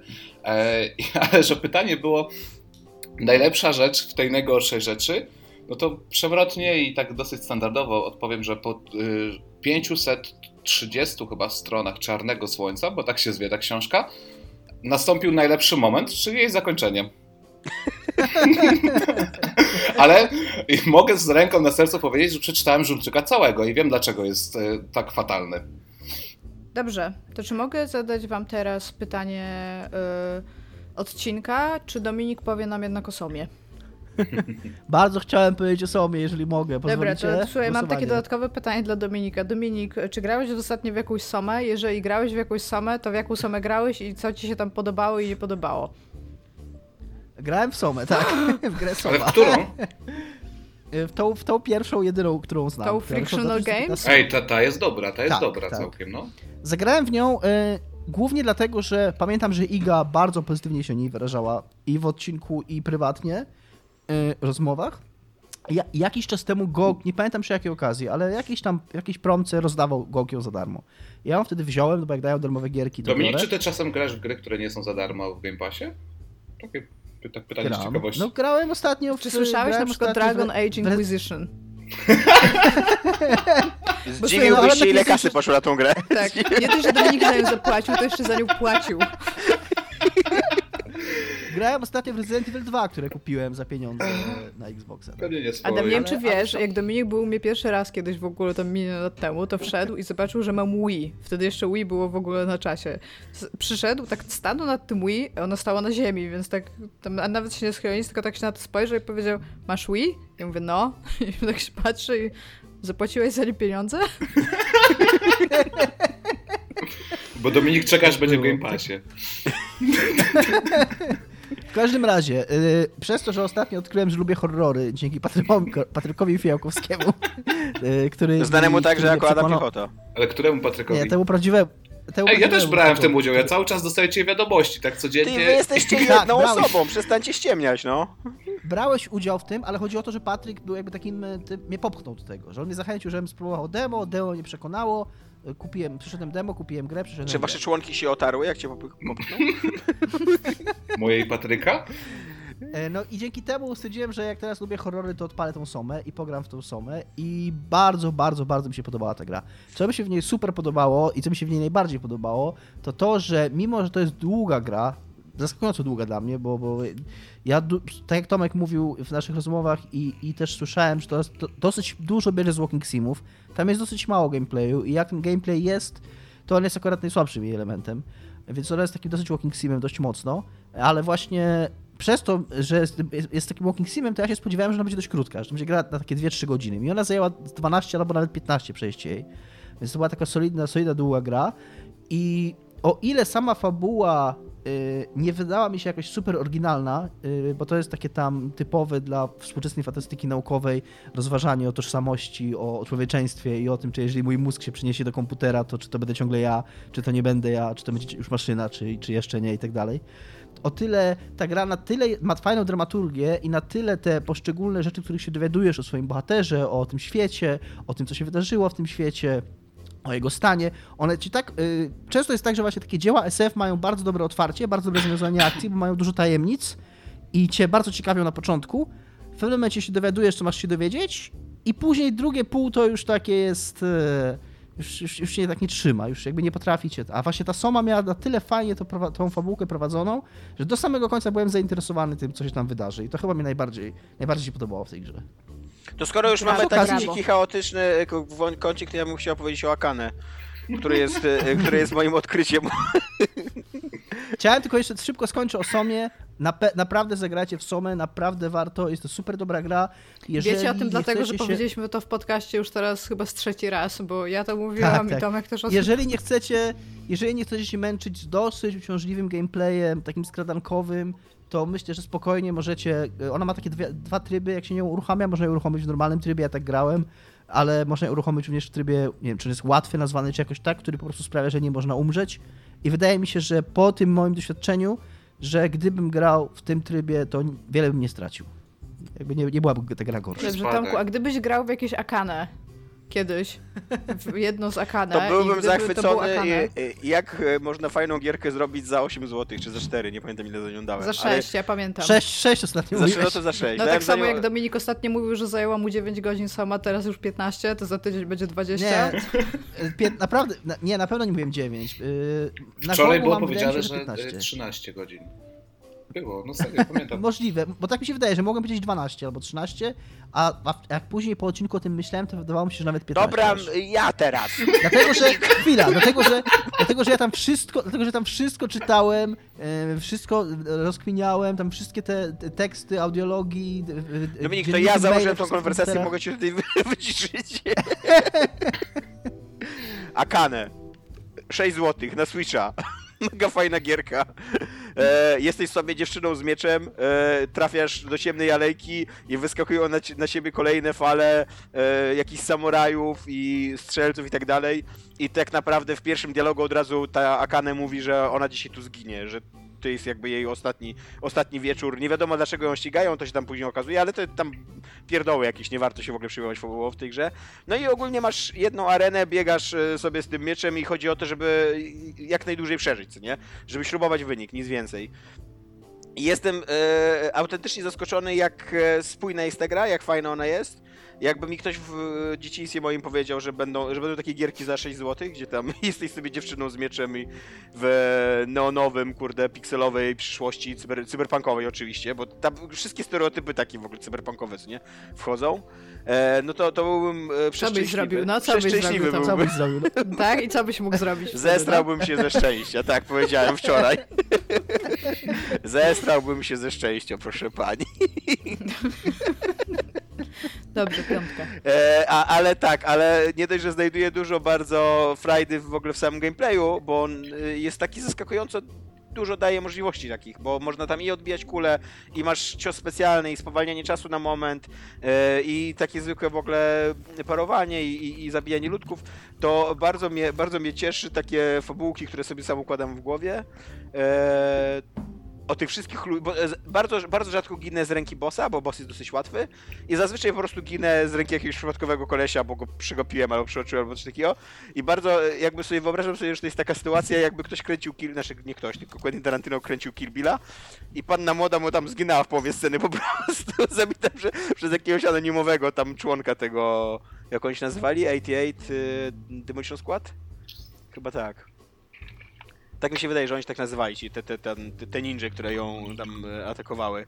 I, i, i, miałem, miałem takie, takie cudowne historyjki, na przykład, że rzuciłem mieczem, wy, wy, wyrżnąłem taki, e, taką ścieżkę przed sobą tym mieczem, no i próbując dobiec do tego miecza, chciałem jeszcze jednego kolesia rozwalić, wyciągnąłem pistolet i w przypadek trafiłem w ten miecz, nabój się odbił od miecza i trafił mnie. I tak sobie myślę, że, że ten koleś musiał być dosyć zdziwiony, nie, no, że to musiał być najlepszy wieczór jego życia, co nie. No. E, tak, więc e, bardzo polecam Akane, jakbyście chcieli. Na Switcha za 6 zł. Tak. To będziemy jeszcze mówić o finalu 7, czy już połączymy to z tematem odcinka? Już połączymy w ten tematem odcinka. No Teraz to jest remaster, mam- no. Czy remake, czy... Czek czekaj. Oj. Jak się korzysta z kazu, bo zapomniałam nagle. Nie wiem. Dobra, powiedzmy, że to jest jingle, o który ci chodziło. O, mam. Złą. Co się dzieje? Remake'i. Ale czym się różnią remake'i od remasterów, Iga? Musimy to Właśnie. ustalić przede wszystkim. Słuchajcie, bo ja zrobiłam research i się okazuje, że to jest w przypadku y, dzieł kultury bardzo dysputowana i, i gry, znaczy y, kategoria i definicja, a gry do niej wprowadziły jeszcze więcej zamieszania i my będziemy korzystać z takiej definicji, w którym e, remake to jest e, coś e, jakby to samo dzieło kultury stworzone jeszcze raz, na, ale również z elementami innowacji i dołączymy do tego również rebooty, które są jakby pod kategorią remake'ów. Według Ale nie bierzemy pod uwagę remasterów, czyli po prostu dokładnie tej samej Tak gry, tylko jeden tam... do jednego. Tak. Jeden do jednego, tylko powiedzmy tekstury są nowe i... i... Nawet nie jeden Tak. do jednego, bo to nie jest zrobione od początku tak samo, tylko to jest ta sama gra, która ma tylko To jest podbite... ta sama gra, tylko po prostu podbite jakieś elementy te. To tego nie bierzemy pod uwagę, no bo to nie jest w żadnym, w żadnym sensie remake. tak, i chciałam, żeby każdy z was podał mi jeden powód, dla którego remake'i nie są tworzone. Dla którego nie są tworzone. tak. Jaki plot twist! Ale to jest w ogóle, to jest w ogóle z naukowego punktu widzenia, Iga, ty jako osoba o takich e, inklinacjach naukowych, e, powinnaś sobie zdawać sprawę, że jak trudno jest przeprowadzić dowód na nieistnienie i tak samo z naszej strony teraz argumentowanie, że na pewno ten argument nigdy nie został użyty Nie, w przypadku mi żadnego o remake'a. ogółem albo tak na ogół, dlaczego tam, dlaczego być może, jeżeli powstaje Ja mogę remake, odpowiedzieć to na, ty, przykład... na to pytanie. Słucham? Tak mi, tak mi się wydaje, że ja znam pyta- odpowiedź na to pytanie. Remake'i nie są tworzone z pasji i nie są tworzone z jakichś przyczyn artystycznych i e, z serca, że się tak wyrażę, tylko są tworzone e, w czysto takim biznesowym, e, w czysto biznesowej perspektywie, jakby tylko, tylko i wyłącznie pod tym względem. Co mnie, co mnie strasznie mierzi w remake'ach e, w grach wideo, bo E, akurat, e, znaczy e, zazwyczaj w filmowych remake'ach, jeżeli nowy twórca dorywa się do e, starego materiału, to jego ambicją jest pokazanie tego starego materiału na swój sposób, inaczej, jakby podpisanie się pod czymś, jakby wiesz, pokazanie, że ja jestem na tyle dojrzałym artystą, że oto tutaj y, stworzę stary film, ale on nadal będzie mój, co nie? A w grach wideo jest na odwrót. W grach wideo jak y, powstaje remake, to zazwyczaj nie dość, że robią go ci sami ludzie, albo przynajmniej z tego samego studia, to ich głównym celem jest zrobienie go tak, zazwyczaj oczywiście, nie mówię o wszystkich remake'ach, ale zazwyczaj jest ich zro- zrobienie tego remake'u tak, żeby nikt się nie poznał, żeby to była scena, scena po scenie przekopiowania tego, co było te 20-30 lat temu. Ja mam dobry przykład y, spoza gier akurat, ale widziałem całkiem niedawno Narodziny Gwiazdy, pierwsze, te, te Tak. ostatnie Bradley'a Coopera. okej.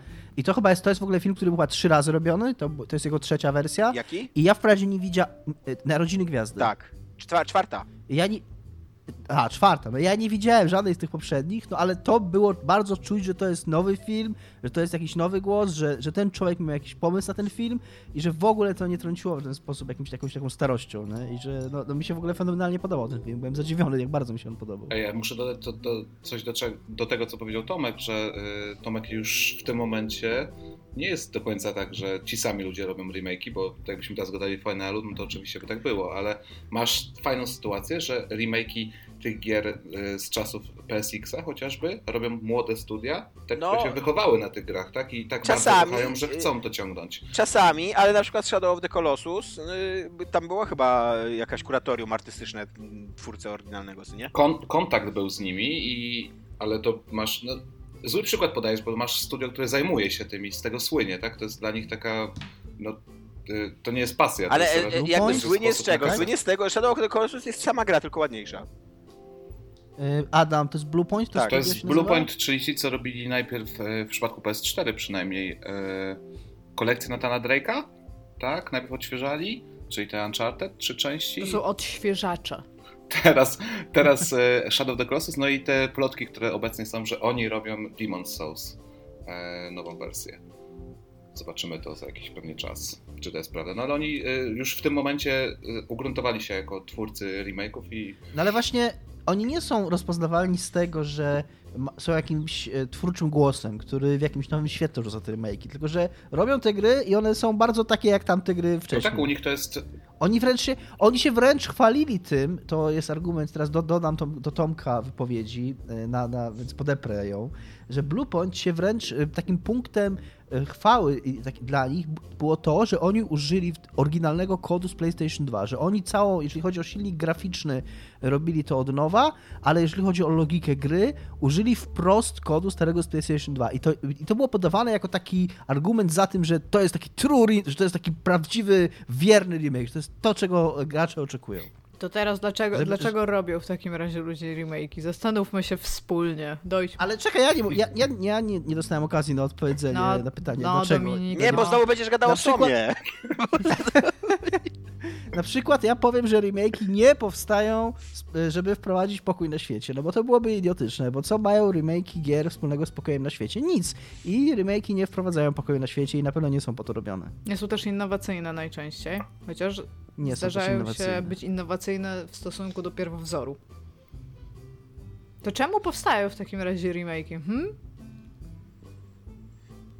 Nikt? No, no nie wiem, znaczy Nikt- to jest banalne pytanie, które wiesz, no... y, y, Tak, y, o, o, o wszystkim możesz powiedzieć, o, o filmowych remake'ach też możesz powiedzieć, że one powstają po to, żeby zarabiają pieniądze, no. No też podejrzewam, że Brian De Palma kręcąc Człowieka z blizną jakby e, nie kręcił go po to, żeby być biednym, co nie? Wyobrażasz E, sobie włożyć bardzo dużo pracy, Bo Tomek- wysiłku Tomek już teraz i serca, broni- żeby być biednym?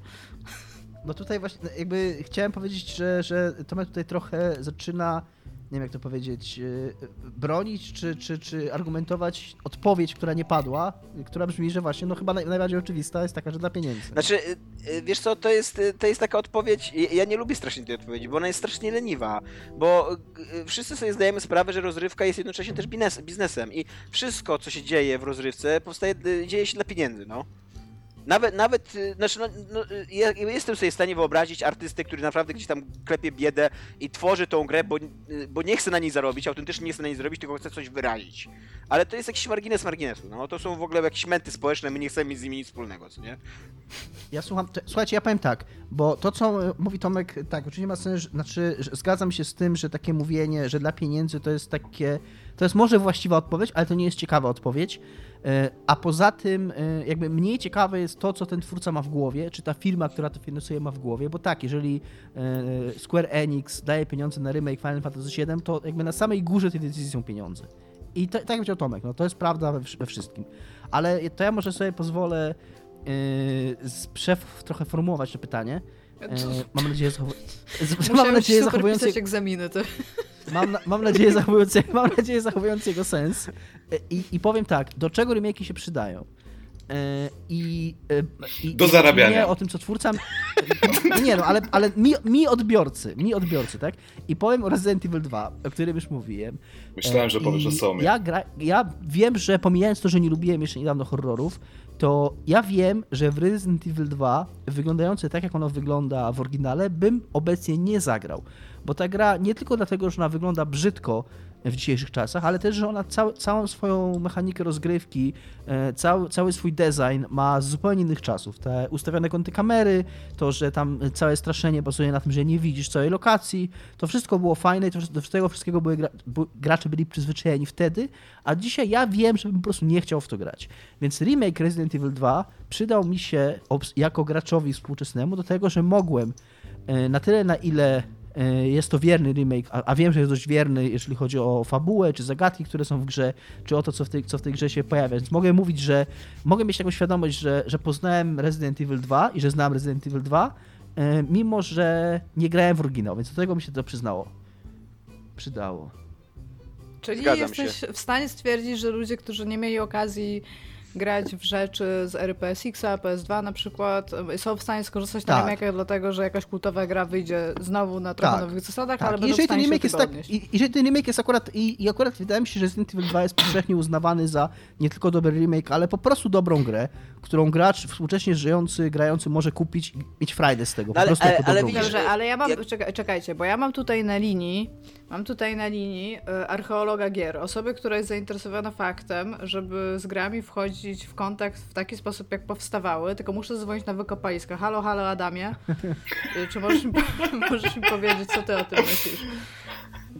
Ej, e, to nie jest wcale tak, że jestem takim turboarcheologiem. E, chociaż to chyba w tym towarzystwie to my z Igą rzeczywiście reprezentujemy jakąś taką dziwną, starodawną metodę poznawania gier na oryginalnych sprzętach dość często i szukania tych sprzętów.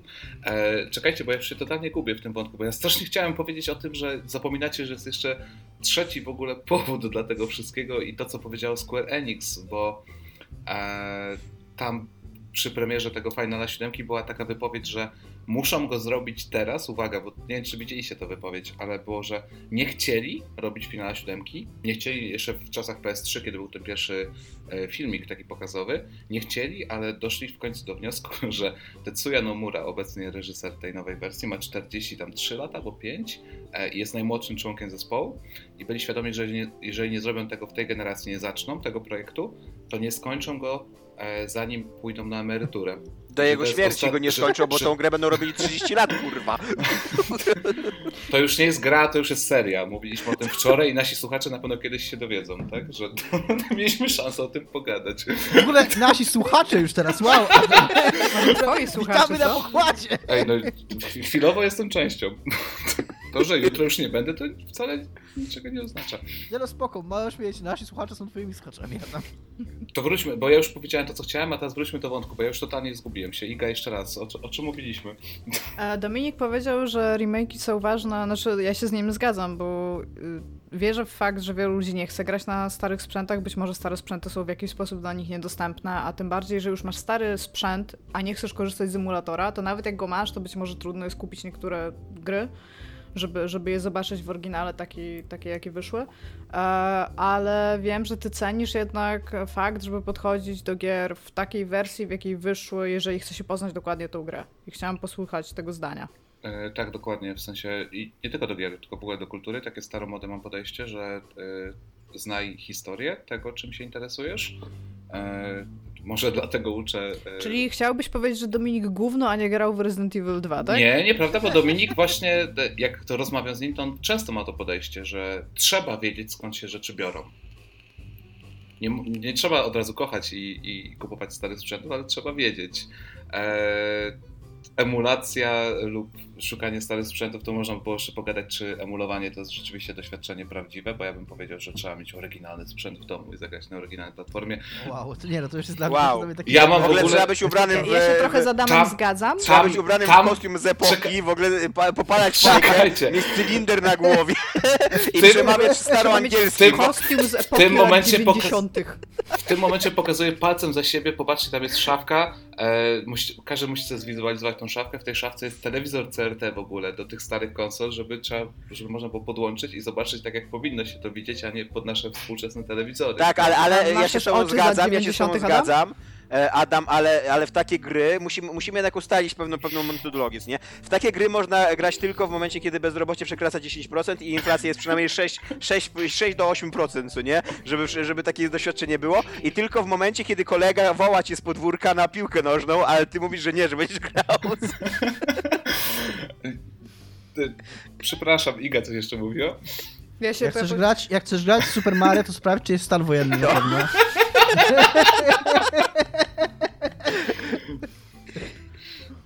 Dobrze, to tyle z działu archeologii. Notabene archeolo- idą a- dobre nie, stop. czasy dla graczy retro, co nie?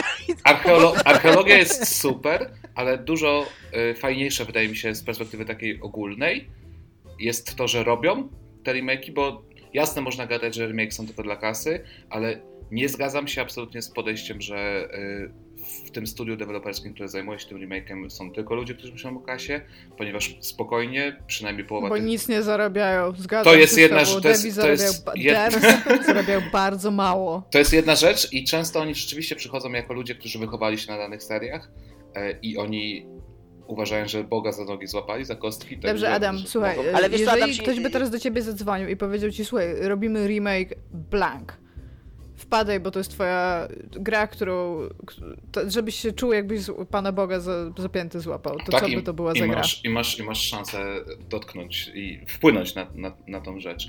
E, to ja bym teraz, o, Tak. mogę tak przewrotnie odpowiedzieć, ja bym poszedł do, do, do, do, do tego zespołu, który robił e, remake Final Fantasy VII. Adam, Żeby, ale nie uwaga, Uważasz, nie, nie uważasz, że to jest trochę smutne? Być może takiego słowa bym użył, bo innego nie, nie, nie przychodzi mi teraz. Być może, być może bym użył. że to jest trochę smutne, że jesteś artystą, tworzysz gry wideo i twoim marzeniem jest powtórzyć to, co już ktoś kiedyś zrobił, dodając Nie, jak najmniej to możliwe. Znowu wracamy do finala, bo masz y, gotową odpowiedź na to. E, obecny reżyser te, tej, tej nowej wersji powiedział, że nie poszedłby do tego projektu, gdyby nie mógł go zmienić. Gdyby nie miał szansy, gdyby, gdyby, ta, gdyby ta gra miała być jeden do jednego w 100%, Nie, I i, to i by tego przyszedł nie do zrobił. Square Enix i powiedział, słuchajcie, zrobię tą grę, ale pod warunkiem, że wszyscy będą napaleni non Ale e, nie, to jest akurat realne, że on taki warunek postawił. Że pod warunkiem, że będzie mam- można coś, coś zrobić, tak? E, I tutaj wracam do tej definicji remake'u, która była czytana e, w wersji nieistniejącej tego odcinka, czyli e, remake to jest coś, co pozostawia wolną przestrzeń również na dodawanie rzeczy. Nie no, był czytany również w tym odcinku Tak? też. O, Ada co? w ogóle ty sobie tak, tak tej whisky dolewasz, że za chwilę to w ogóle nie będziesz, nie będziesz, nie będziesz kontaktować. Nie, to. Jab, jab. Dobra, ja bym chciała powiedzieć, że zauważyłam w związku z faktem, że teraz e, FF7 wyszło, że bardzo wielu ludzi, i zauważyłam, to jest taka, e, e, Tomku, to jest lingwistyczna zagwozdka, którą tutaj zadaję. Ludzie mówią Final Fantasy VII, ale grałem w Finala, więc zapytałam się e, Tomka Kto tutaj mojego... Final Fantasy final, no. Ja powiedziałem przed Ada chwilą, powiedział. tak. I I, te, I to jest, i to jest bardzo to częsta normalny rzecz. Ale czekajcie, chwileczkę. To jest Nikt bardzo normalnie nie częsta rzecz, bo przepraszam. zbadałam To to. to Zbadałam to. Tomb Raider to już jest w ogóle Rada Języka Polskiego na tym usiadła i odpierdol Tak. się od tego. Tomb Raider jest, jest legit. Dobra, i się pytam tego tutaj mojego tutejszego Tomka i mówię, Tomek, czemu Final Fantasy, ale grałeś w Finala? I Tomek mi powiedział tak, spojrzał się na mnie bardzo poważnie i, się tak, i tak po prostu powiedział, to są stare gry, stare gry można mówić źle. Jest to prawda akurat. Ja mam od lat, mówię Pirates na tą grę, co się staweczkami była Sida Meyera i to zawsze będzie... Ja mówię Sid Meier z Pirates w ogóle. Okej, nie zadzwońcie- wiedziałam, ale skoro jest to prawda, to, to już teraz wiem, dziękuję. Jest totalnie taka gra Pirates. Zadzwońcie do mojego taty. Mój tata y, czasami sobie tak w ramach y, pasji uzupełnia biblioteczkę gier, która jest w mieście rodzinnym i dzwoni do mnie dość często i mówi, że widział w, y, w niskiej cenie na PlayStation 4 kolekcję Natana Drake'a i on mówi na to, no wiesz, to Unratchet. I to jest, od, od 10 lat to jest Unratchet i nie może być inaczej w naszej rodzinie. Ale to, to świadczy po prostu o wysokim, y, wysokim, y, wysokich kompetencjach kulturowych twojego ojca, bo przecież oni robili wcześniej Ratchet Clanksy, nie? Nie, nie, jest nie robili Nie, wcześniej. oni, nie, oni robili. Jacksa wcześniej. Oni robili Jacksa, masz rację, no. Jacka, Jacka. No wciąż To to, znaczy jednak o analfabetyzmie on kulturalnym twojego ojca. Dobrze, że mój tata nie słucha podcastów. No. No dobrze, to w takim razie powiedzcie mi, jakie są przykłady dobrych remake'ów. Ja tutaj zacznę od faktu, że oczywiście tam Doom 2016 pokazałam, pokazałam widełki. E, Jest, e, jest moim zdaniem genialnym przykładem remake'u, bo to jest gra, która jest zupełnie inna od pierwowzoru, natomiast widać, że jakby jej kręgosłup jest identyczny. Cały czas dużo się strzela, strzela się do przeciwników tam do demonów, e, które oczywiście ich projekty są zaczerpnięte z tej pierwszej części, ale przy okazji stawia na dynamikę, stawia na bardzo szybką akcję i stawia na bardzo szybkie strzelanie, więc jakby clue tej gry jest cały czas jej serce jest w dobrym miejscu, tak? Cały czas. I jakby stawiając je jedna obok drugiej widzimy, że to nie jest to samo, ale jesteśmy w stanie zobaczyć, że to jest ta sama gra de facto, nie? Powiedzcie mi, jakie są waszym zdaniem przykłady dobrych remake'ów? To ja może Zaczynam. zacznę. To ja No, zacznę. Adam. E, Musicie się bić. Ja, ja się oddaję Adamowi moją Ale kolejkę. będzie o biciu się. E, to dzisiaj pójdziemy z innym przykładem dobrego remake'u i to jest ciekawa e, ciekawa w ogóle sprawa. Yakuza Kiwami. Pójdę w tę stronę, czyli Co kiwamy? Kiwamy, kiwamy Yakuzę, ponieważ robimy remake pierwszej części Yakuzy. Dajemy mu podtytuł Kiwami. E, ś- dość, dobra, nie chcę powiedzieć świetny, ale ciekawy przykład, ponieważ Sega, bo to robi ten sam zespół, który robił oryginalną Yakuzę, przerzuca wszystko na nowy silnik, to więc standardy. Zostawiają również przerywniki filmowe jeden do jednego i fabułę nietkniętą od oryginału od czasów PlayStation 2, tam chyba 2006 rok, kiedy pierwsza część wyszła, ale że Yakuza przez lata rozwinęła się w taką mm, dziwnie japońską symulację życia, czyli grę, w której można stracić 3-4 godziny na rzucaniu rzutkami, chodzeniu na karaoke. Jak robi specyficzny Japończyk, taki tam uśredniony dziennie. Tak, oczywiście, oni wszyscy tak w ogóle spędzają każde Tak swoją drogą, w w Final Fantasy, tak, dobrze mówię, Final Fantasy VII jest gra wrzutki, za to jest achievement i on jest... Tam trzeba mieć perfekcyjne rzuty, żeby w ogóle ten achievement dostać. Nie możesz ani razu mieć o punkt mniej. Tak, i ta, mini, ta minigierka jest skopiona jeden do jednego z, z Yakuzy, dlatego często tam się porównuje. E, ale Yakuza przez lata rozwinęła się właśnie w taką gigantyczną serię, znaną z tego, że można w niej tracić mnóstwo godzin. Kiedy w jedynce tego w ogóle jeszcze nie było, bo na PlayStation 2 nikt nie miał za bardzo pomysłu, to była wtedy świeża seria, więc jak zrobili remake e, jedynki, zostawili fabułę nietkniętą i przerywniki filmowe tak samo na nowym silniku, ale dodali cały ten, całe to wypełnienie, które teraz w serii jest i dla, dla którego teraz się w ogóle w Jakuzy gra. Więc nagle z gry, która była bardzo archaiczna, e, zrobiła się gra taka turbo rozbudowana, gigantyczna, która ma wszystko to, z czego Yakuza jest znana. Czyli można powtórzyć sobie początek całej serii i już zasmakować e, tego. A to jest w ogóle, to jest w ogóle bardzo ciekawe i bardzo mnie to cieszy, tak prywatnie też, dlatego że jest ta gra w Game Passie, więc, więc nią zagram. E, i, Rozmawialiśmy o tym Ja- ja- wczoraj, ja- to przez Dominika mówię o Jakuzie właśnie, bo Tak, ja w sobie- ogóle w żadną Jakuzę nigdy nie grałem, a to jest nie dość, że to jest pierwsza, to jest jedynka, czyli pierwsza gra, to do tego remake, a do tego jeszcze e, nie tylko, że ma lepszą grafikę i ten, tylko że- ma jeszcze dodane elementy, które do tej serii zostały wprowadzone I jest w później. Game Passie. taki- no, I jest w Game Passie, więc po prostu dla takiego odbiorcy jak ja, no to, no to idealne. Mnóstwo elementów, tak? Jeżeli oryginalna wersja zajmowała około 15 godzin, no to przejście jako z ekipami już powinno. e, Podejrzewam, że każdego gdzieś tam coś wkręci z tych pobocznych rzeczy, że na przykład można wejść do salonu Segi i zagrać w, w jakieś klasyczne gry arkadę. Za to są osobne osiągnięcia. Arkadę. Arkadę, tak, no przepraszam. To jest Ja jestem- ja jestem- można mówić stare gry, tak, źle. Ja jestem totalnie w drużynie Adama. Na arkadę nigdy nie powiem świadomie arcade. No musiałby ktoś mnie pilnować po prostu. Arkadę to jest arkadę. E, A taki zespół muzyczny e, jest Arcade Fire. Dla mnie to jest Arcade Fire, serio. Nigdy nie powiedziałem Arcade Fire. Okej. Mimo tego, że uwielbiam. A... No i te giereczki macie właśnie stare segi, jakieś outrany tam są do ogrywania i z tymi giereczkami są związane poboczne questy, yy, osiągnięcia. No i nagle z 15-godzinnej gry robi się 40-godzinna gra. I to jest, wydaje mi się, super fajne podejście do, do remake'ów. Tomek, E, musisz powtórzyć pytanie niestety. Bo Adam Jaki tak długo był mówił i tak bez sensu, że zupełnie przykład zapomniałem. dobrego remake'u. Przykład dobrego remake'u e, XCOM. E, XCOM ten z 2014 roku, e, czyli nowy XCOM, e, który w ogóle odświeżył nie Ta tylko... ulubiona gra Dominika, którą tak ładnie zabłysnął Tak, na tak. ramach WPPL. E, Myślisz o tym czasem Dominik? Tylko się zapytam. Jeszcze raz? Aha, y, nie, nie, nie myślę o tym, ale to był bardzo ładny, bardzo ładna rozgrywka. z 2013, przepraszam. E, bardzo lubię tę grę, znaczy nawet nie, nie tyle, że ją lubię, bo to, że ją lubię to swoją drogą, ale bardzo ją cenię za to, że udało jej się odkopać gatunek, który wydawało się, że jest e, zupełnie nieprzeznaczony dla konsol, zupełnie nieprzeznaczony pod takiego, e, takie współczesne platformy do grania, a tutaj ludzie podeszli do niego i stwierdzili, że da się to zrobić i, I to odkryli... kurde, tak się to dobrze dało zrobić, że Tak. parę lat później Nintendo na swoją sztandarową konsolę ze swoją sztandarową marką Mario wydaje taką grę.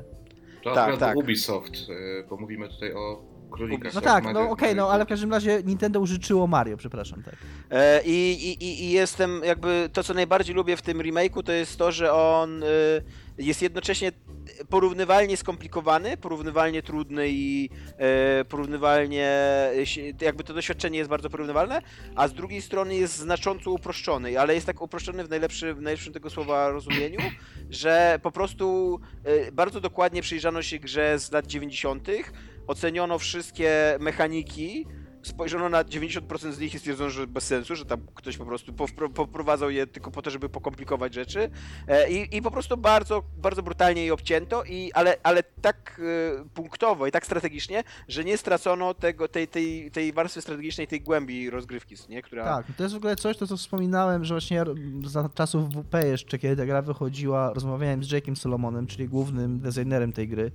I on właśnie dokładnie mówił to, co mówi Tomek, czyli że głównym jego celem było z, y, zmniejszenie skomplikowania bez zmniejszania złożoności. Czyli żeby zachować złożoność, czyli wszystkie trudne decyzje, całą głębię taką strategiczną, która była w oryginale, ale y, jak najbardziej to uprościć, y, to jak ty, jak ty wchodzisz w interakcję z tym. Ja w ogóle, ja w ogóle teraz jako już e, był właśnie od, od, od XCOMa mniej więcej, a później, chwilę później Fire Emblema Awakening. Zaczęła się moja cudowna przygoda z grami strategicznymi, turowymi, która trwa do dziś i, jest fantastyczna i to jest mój ulubiony gatunek dzisiaj chyba. E, ja jakby dzisiaj już będąc takim graczem y, mocno, mocno strategicznym, e, widzę jak trudne dla nich musiało być e, rezygnowanie ze skomplikowanych mechanik, nie? Bo ja, ja już też na przykład patrzę na grę i myślę, że nie, no ona ma trochę za proste mechaniki, że a tego tam nie ma, tamtego nie ma, teraz tak jak o tym nowym XCOMie, a nie ma permadev, to trochę bez sensu, jakaś taka gra dla w ogóle dla lightowych graczy, nie dla mnie i tak dalej, nie? A tam, a tam centralnie musieli wziąć y, i, i oni nie, nie dość, że tam y, nie, nie tylko wyrzucili jakieś tam, wiesz, kucanie i, i kładzenie się na ziemi, y, czołganie się i tak dalej, tylko oni, oni w ogóle wyjebali y, punkty ruchu, co nie? W ogóle to było Tak. jakby to było kluczowe dla strategii, dla Tak. strategii turowych, co nie? I w właśnie być czasach, może, nie? być może to nie jest tak, jak Tomek powiedział, że to było wprowadzone dla samego skomplikowania. Być może, bo mi się wydaje, ktoś mnie na pewno poprawi w komentarzach, ale ja zawsze żyłem w przeświadczeniu, że pierwszą taką grą było Laser Squad i teraz szybko sprawdziłem na Wikipedii, Laser Squad to jest gra, która wyszła w 1988 roku. Więc być może wtedy, jak w 1988 roku na jakimś Commodore 64, bo na przykład na to wyszła ta gra, się robiło strategię, no to te punkty akcji to, były, to było jedyne, co można było zrobić. Tylko, że po, przez wszystkie lata rozwoju tego gatunku my się tak przyzwyczailiśmy do punktów akcji. Bo punkty akcji były w Laser Squad, punkty akcji były w XCOMie, punkty We akcji wszystkich były w RPG-ach były, co nie? Fallout Tactics, dokładnie. Więc jak ktoś nagle powiedział, że, że, że on robi remake XCOMa, ale tam nie będzie punktów akcji, to na początku to brzmiało jak jakaś w ogóle herezja totalna. Tak. To było bardzo źle przyjęte. A To brzmiało dokładnie jak taki, jak taki stereotyp o tym, że o, gry dla casuali na konsolę, teraz zrobię Tak, na dokładnie. casuali na konsolę, ale będzie, ho, ho, ho. A okazało się, że wyszła im za- zajebista gra. I teraz, jak na przykład gram tego, teraz w ten, w ten e, e, Chimera skład, e, to znowu jest. Jakby szanuję to, jak odważni oni są. Nie, nie wszystko, co oni robią w tej grze mi się podoba. Na przykład nie jestem cały czas przekonany do tego, że teraz e, nie ma już tur, że jedna drużyna kontra druga drużyna, tylko są po prostu każdy gracz, znaczy każda postać ma inicjatywę, co nie? I masz taką przemienność jakby, że nie, planujesz, nie planujesz po- poruszanie się całą drużyną, tylko planujesz poruszanie się konkretnymi jednostkami. Ewentualnie możesz tam zgrywać dwie, trzy jednostki ze sobą, ale to już jest jakby szczyt tego skomplikowania, które tu proponują. Ale dzięki temu ta gra jest dużo bardziej strategiczna i nie wiem, czy mi się to podoba, nie wiem, y, znaczy to dużo bardziej strategiczna, ale takim w rozumieniu, takim reagowania na sytuację, co nie? I że też bardziej chyba dyna- dynamiczna Tak, jest, i dynamiczna, tak. E, Nie wiem, czy mi się to podoba, czy to jest to, czego ja bym oczekiwał, ale jakby szanuję, że, że próbują, co nie? Że, że, że idą jakby w nowe miejsce, co nie? Dominik. Y, Poprzednio odpowiedziałem, że Resident Evil 2, y, ale teraz właściwie użyłem tej odpowiedzi w pytaniu o to, po co się robi remake'i. I, I właściwie gdybym teraz miał mówić, odpowiadać na pytanie o dobry remake, u, użyć Resident Evil 2, no to właściwie bym powtórzył to, co powiedziałem, y, y, mówiąc o tym poprzednio o tej grze w tym odcinku. Więc użyję innego przykładu. Y, To są wprawdzie dość stare gry, ale, one, ale to jest sposób robienia remake'ów, który uważam, że też jest bardzo ciekawy i, i warty powtarzania. To było y, Monkey Island, jedynka i dwójka. To, bu- one wyszły na Xboxa 360 i to były pierwsze gry, w których zapre, To zaproponowano... Curse of the Monkey Island Nie, nie, Escape Mon- from Monkey Nie, nie. Island? Monkey Island 1, Monkey Island 2 po prostu. Czekaj, Te- Curse to jest trójka. The Secret, The Tak. Secret of Monkey, Island, 1 i Secret of Monkey Island 2. Dwie pierwsze części, dwie I pierwsze... one miały taki tryb, żeby się przełączać między One miały, grafiką, one były a- kompletnie przerysowane i miały kompletnie przerysowane tła i, komplet, i nagrane dialogi, to były gry tam, wiecie, z lat 80 one nie miały więc de facto były zrobione od nowa, ale jednocześnie miały w sobie tą starą wersję, czyli w każdym momencie grania mogłeś się nacisnąć back na kontrolerze i przełączyć się na starą grafikę, stary interfejs e, bez e, e, nagranych dialogów. Czyli to, to spełniało de facto obie funkcje naraz, czyli mógł współczesny gracz w to zagrać, bo tam był również ten system hintów, który jest w nowych przygodówkach. Nie The Secret of Monkey Island i Monkey Island 2 Lichuk's Revenge. Wiedziałam, Tak. że miało inną nazwę dwójka. No ale w każdym, pamiętam. masz rację, masz rację, to moja pomyłka. No ale w każdym razie dwie pierwsze, dwie pierwsze części Monkey Island, nie? I one jednocześnie, współczesny gracz może w nie zagrać, bo są na tyle uproszczone, jeżeli chodzi o, o mechanikę rozgrywki, y, mają nowy interfejs, mają nagrane dialogi, ale, a jednocześnie zachowują tą funkcję archeologiczną. Czyli oprócz tam uruchamiania tego na, na tam jakimś PC-cie 286, e, no to możesz odpalić na nowym Xboxie, ale wygląda to identycznie, e, jest w kwadracie, ma pikselową grafikę, ma interfejs taki z tym, z wybieraniem tych czasowników z, z listy, że jest identycznie tą samą grą, czyli możesz nią zagrać nawet dwa razy, raz w tej starej wersji, raz w tej nowej. To jest bardzo w ogóle fajne podejście do remake'u. Okej, okay. myślałam, że Adam chce coś powiedzieć, ale po prostu tak wygląda. Nie, nie, bo właśnie uruchomiłem się, bo przypomniałem sobie, że przecież y, Halo też tak przerabiano, tak? Że można tak, kliknięciem tak, tak, tak, przycisku sobie e, tak. przerzucić się na starą wersję. To jest super fajne w tych, w tych giereczkach właśnie remake'owanych. Lubimy to, oficjalnie lubimy taki, taki zabieg. Tak, archeologia. To, jakby, bo to jest jakby w ogóle łączy, wiecie, łączy dwa te, dwa te podejścia, archeologię i przybliżanie nowym, nowym graczom. Dobrze, teraz będzie Pierwsze pytanie, niespodzianka. Ale zajebisty dżingielika. Totalnie musimy go wyciąć i zacząć używać w każdym odcinku. E, Tomek, poleć jakiś to stosunkowo ja. nowy komiks. Stosunkowo nowy komiks? O, mam, mam zajebisty komiks. Tylko kurde, muszę najpierw wygrzebać autora, bo y, autor jest Francuzem i ma dziwne nazwisko, takie francuskie. Wiecie, jak to jest z francuskimi napis- nazwiskami. Jak to jest z tymi Francuzami, mają te francuskie nazwiska w ogóle i kosy. Y, koleś nazywa i mam nadzieję, że nie gwałcę teraz jego nazwiska, e, nazywa imienia, bo się nazywa Gilem, ale to jest takie G-U-I-L-L-A-U-M-E. Więc y, to, ja, to jest. Pewnie, jakby... pewnie Gilles się nazywa. Albo, albo Gilem, albo Gilles. W każdym razie Francuzi absolutnie nie szanują liter i po prostu połowy z nich nie wymawiają. Nie? E, Gilem. E, Sin, Singelin? tak mi się wydaje, że tak się, że tak się to nazywa, Źlem Singelin. Komik się nazywa PTSD, czyli Zespół Stresu Pourodowego. E, I jest to e, bardzo silnie inspirowany twórczością Masamune Shiro, czyli człowieka od Apple Seed i od Ghost in the Shell. Komiks o kobiecie, znaczy o kobiecie, która walczyła na jakiejś wojnie, takiej dziwnie przypominającej wojnę w Wietnamie i teraz wróciła z tej wojny i żyje z PTSD na ulicy, jest bezdomna, zażywa leki, żeby sobie radzić z tą traumą, znaczy takie leki slash narkotyki, bo to nie są takie oficjalne leki. E, w jakimś takim, to jest w ogóle fikcyjny świat, więc to jest takie fikcyjne miasto azjatyckiej przyszłości, taki konglomerat y, Tokio, Szanghaju, e, Bangkoku, taki tak, Hongkongu, takich wszystkich, wszystkich zachodnich wyobrażeń na temat tych wielkich, tych wielkich stolic e, miast azjatyckich i ona tam jakby jako przez to, że cały czas żyje jakby w tej podczas tej wojny, jakby cały, cały czas gnębi ją to PTSD, to y, żeby, żeby odnaleźć spokój jakoś taki psychologiczny, żeby, żeby znowu się znaleźć w tej sytuacji, w której, którą rozumie i tak dalej, to wypowiada wojnę gangowi narkotykowemu e, i, i to, to ma taki, to jest taki miecz o, o, o dwóch ostrzach, bo z jednej strony y, o, jej się wydaje, że robi coś dobrego, no bo w końcu strzela do, tam do draglordów, ale z drugiej strony to nakręca taką spiralę przemocy w tej dzielnicy, w której ona żyje, nie?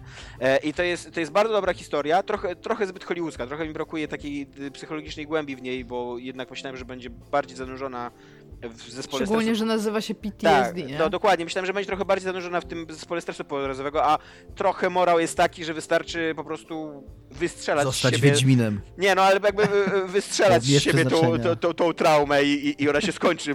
tak, bo mnie to, właśnie, mnie to właśnie uderzyło, jak powiedziałeś, że, że poradzić sobie z traumą, to wypowiada wojnę gangowi tak. narkotykowemu. No tro, trochę to jest metoda radzenia sobie z traumą. E, ale jest, jest przecudownie narysowany ten komiks, taki łączy taki e, europejski styl e, malowania farbami wodnymi tych e, komiksów, które jest bardzo popularne, to jest właśnie zwłaszcza w, w komiksie hiszpańskim czy francuskim, e, z postaciami takimi właśnie, zwłaszcza żywcem wyjętymi z, z Appleseed i z takim, z takim pietyzmem do technologii, w ogóle do broni i tak dalej, do którego e, Shiro ma, ma smykałkę i zaskakująco dobry jest ten komiks. Jak naprawdę w ogóle otworzyłem go, czytałem, kurde, z godzinę, półtorej to jest taka, taka lektura i mega, mega frajdę mi sprawił. Pomimo, pomimo tej płytkości jakby polecam bardzo. Dobra, dobra rzecz. Wyszedł właśnie w Polsce. Dobrze. To żeby tak was trochę rozruszać, to chciałam się was zapytać, e, jaki remake, jakiej gry kupilibyście w ciemno w tym momencie? Ja mam odpowiedź na to pytanie. W dodatku jest remake, który powstaje, więc będę miał okazję kupić go w ciemno. W Final Fantasy 7.2. E, jest to Command, Command Conquer pierwszy, który jak wielokrotnie mówiłem w podcaście, był moją pierwszą grą, jaką pecetową, jaką widziałem i która mnie wyleczyła z bycia am, Amigo filem i w, w, ustawiała mnie na drogę pececiarstwa na długo. E, I to jest remake robiony e, w dużym stopniu z e, udziałem społeczności, co wydaje mi się spoko pomysłem, przynajmniej na papierze, zobaczymy jak to wyjdzie. Zatrudnili tego samego kompozytora, ale nagrywa na nowo muzykę. I, no i przerysowują, to jest taki remake robiony tak jak te właśnie Monkey Island, czyli przerysowują wszystkie, bo to była gra zrobiona w czasach e, sprite'ów, czyli wszystko było narysowane. Więc ona nadal będzie taka narysowana, ale wszystko będzie narysowane od nowa. Niestety e, przerwniki filmowe, które są mega ważne dla, dla tych gier i były No mega ważne właśnie, tych gier. znam trochę ich historię i wiem, że nie ma Niestety, ich dobrych niestety wersji. nie ma ich, nie znaleźli ich oryginałów, więc tylko byli w stanie na tyle, na ile yy, wiecie, tam jakoś podciągnąć sztucznie rozdzielczość, jakiś upscaling zrobić, ale no to będą te stare przewodniki filmowe, no po prostu Oni w zginęły ogóle te co taśmy. więcej e, mieli kasetę chyba VHS, czy tam jakiś plik ze starymi danymi, gdzie myśleli, że być może te e, pliki jeszcze Tak. są i że one będą w lepszej jakości, bo nie będą takie skondensowane, po czym jak udało im się chyba tam po jakimś bardzo karkołomnym przedsięwzięciu dojść do tych danych, to się okazało, że to są identyczne przerywniki Tak, tak, nie, bo, bo jest, jest, tak, jest taki materiał na YouTube, gdzie można sobie zobaczyć, tak, tak, że właśnie e, człowiek, który jest główny producent tego remake'u opowiada o tym, jak szukali tych oryginalnych taśm i że właśnie jak Iga mówi, że w pewnym momencie znaleźli to jakieś e, cyfrowe, e, cyfrowe taśmy, bo były w tamtych czasach takie rzeczy, nie? Czyli co, to dawało nadzieję, że to będą te e, oryginalne nagrania i tak sobie byli mega zajerani, okazało się, że to po prostu były zgrywki z gry, czyli ktoś po prostu wziął te filmiki, które były skompresowane do gry i jest jakby z powrotem nagrał na tą kasetę, żeby je zarchiwizować, no ale to, to im nic nie dało, bo to była ta sama jakość, która, która jest. Hmm. Więc tego mi trochę szkoda, że, że te filmiki będą stare, no ale jestem mega zajerany i mega liczę na to, że sobie przypomnę, jak to było być dzieciakiem. I kupię go w ciemno, tak. Jak będzie na Game Passie. Nie no, to jest pecetowa gra, więc będę musiał zapłacić No, pieniążki na PC. Zdradzę ci sekret, zdradzę ci sekret, Dominik, który odmieni twoje życie. Game Pass jest na PC. True, true. I wchodzi Gears Tactics, zanim wejdzie na konsolę. Bardzo mnie to cieszy. Adamie? No, w ogóle nie, ma- nie będzie na konsolę na razie z tej gry. Ale może sobie E. zobaczę ją, może sobie ją ściągnę, bo sobie to Gearsy są i PC też mam, takiego, że chyba pójdzie ta gra, więc... A kiedy Gearsy? Jakoś niedługo, nie? 28. Ja wypisałem sobie rzeczy, które. y, co do których mam pewność, że te raczej się nie ukażą, żeby tak y, raczej życzeniowo tutaj, tutaj się wypowiedzieć. I myślałem o swoich wspomnieniach i jakichś tak czasach y, PlayStation 1, PlayStation 2, kiedy byłem jeszcze y, zatwardziałem ultrasem Sony, bo nie miałem innej perspektywy. To jeszcze mi trochę czasu Shame. no mi długo zajęło mi dojście do Nintendo tak naprawdę Y, i chyba nawet o tym dzisiaj będziemy mieli okazję powiedzieć, jeżeli któreś pytanie mi się ułoży. W każdym razie wymyśliłem sobie taką giereczkę, może ją pamiętacie, a może nie. Capcomu, Studia Clover, jeden z tych późniejszych. Beautiful Joe. Pamiętacie to? Pamiętamy, ja Nie. pamiętam. To jest y, taki Ale skrolowany... jak, powiedz jeszcze raz tytuł? Beautiful Joe, jak Joe. beautiful, ale jako view, jako widok. Tak. A, okej. Beautiful Joe to było e, taka skrolowana e, naparzanka, taki beat'em up e, z perspektywy 2D, e, z oprawą cel shadowaną. Z perspektywy 2D. Nie, no tak, tak. No, od, Dwuwymiarowa od, gra. od boku w każdym razie, w prawo się biegło, tak? E, I główny bohater był wielkim fanem filmów akcji i on miał specjalne moce, czyli on potrafił zwalniać taśmę filmu, czyli po prostu zwalniać czas w grze oraz przyspieszać ten czas w grze. E, I te umiejętności wykorzystywało w walce. To była bardzo trudna, tak mi się przynajmniej e, to wspomina z, z tych czasów PlayStation 2. Bardzo trudna gra e, i bardzo unikalna. Miała naprawdę swój, swój świat i swój klimat. I szkoda, że e, to był już ten moment, w którym Studio Clover e, zmierzało w tę stronę no, zamknięcia i że tylko dwie części tej gry mamy, bo tam były jakieś, Iga, nie wiem czy pamiętasz, takie bijatyki, chyba jeszcze na, na PSP była taka bijatyka wydana po... Tego to po... już nie wiem. Beautiful Joe po prostu kojarzę, ale No w każdym razie dalej z tym działo. biegniesz w prawo, Ale skaczesz... to, rozumiem, że to jest jakieś japońskie w tak? To jest japońskie dziewactwo Czy- ludzi, czy którzy jest postać stali się... Stu... Super, czy Super Smash Bros. jest postać? Nie, Nie. ma. Nie No to ma. znaczy, że nie warto w ogóle się tym interesować. To jest jedna z wcześniejszych gier ludzi, którzy potem założyli e, Platinum Games, więc to ma ten klimat, e, który mają ich obecne gry. W ogóle chciałem powiedzieć, y, że Nier Automata jest w Game Passie, więc jak nie graliście, Game Pass Watch, g- g- g- Game Pass Watch. No to Beautiful Joe, a nie wiem, MDK jeszcze chciałem dorzucić. Pamiętacie MDK? Tak, pamiętam Tak. MDK. No, no, Też tak. tak, jakoś mi nagle pojawiło się w głowie MDK. Bardzo, e, bardzo MDK, bardzo by mnie interesowało, czy gdyby e, odświeżyć tą grę, tak zrobić takiego wiernego remake'a, że właśnie, że bez żadnych wielkich e, zmian, to czy ona by w ogóle się dzisiaj broniła? Ja mam takie doświadczenie, To że to była była bardzo surowa W sensie, gra. że z postaciami 2D, bo to były 2D postacie w świecie 3D, tak? Pamiętacie, Tak. to było takie, no, jak, jak, jak w starych Ja mam, ja mam bardzo takie wrażenie, że to była bardzo surowa gra, taka, że trzeba było dużo jej wybaczyć i bardzo chcieć w nią grać, żeby się dobrze bawić. Ale jak ona była niesamowicie inna na tamte Tak, czasy, ona była nie? super dziwna. Naprawdę. To jest No. taka pierwsza dziwna gra, taka defini- taka, ona by mogła Tak, być podana jako naprawdę. definicja dziwnej gry. A, Iga, Tomku? A może ty teraz, czy nie? Czy ja?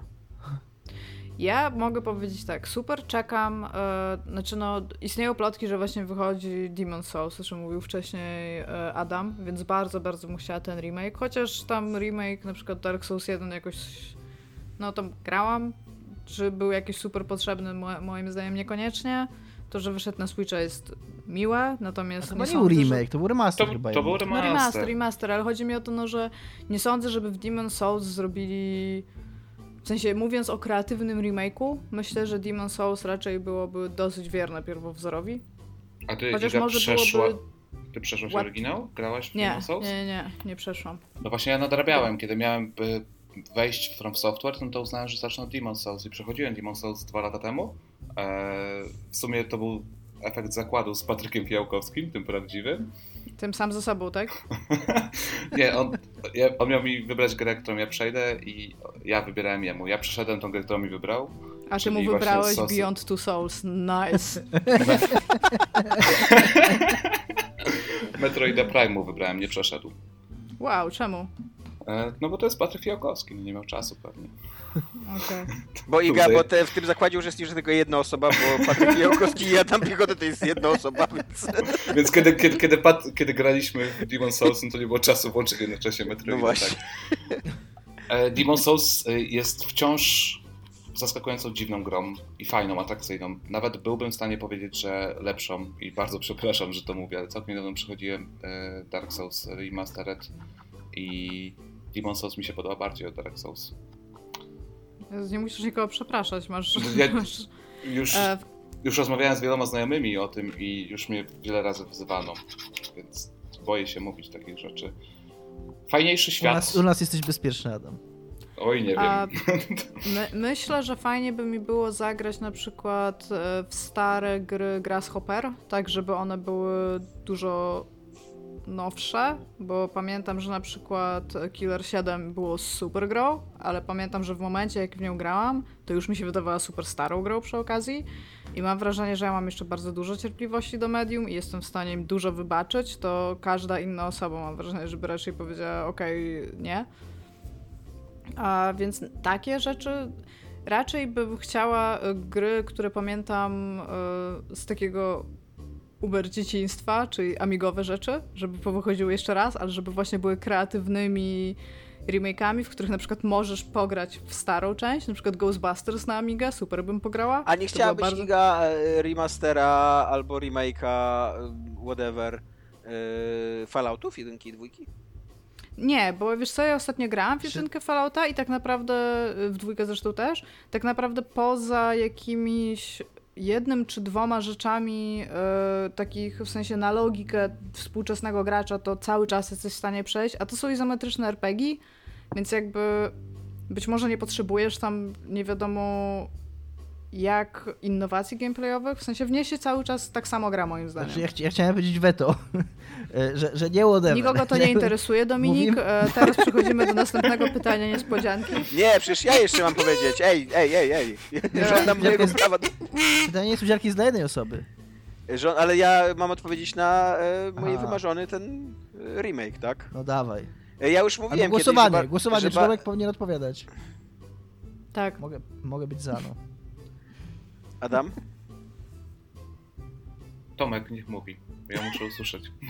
E, ja już kiedyś mówiłem, że bardzo bym chciał zobaczyć MGS-a 1 e, remakeowanego.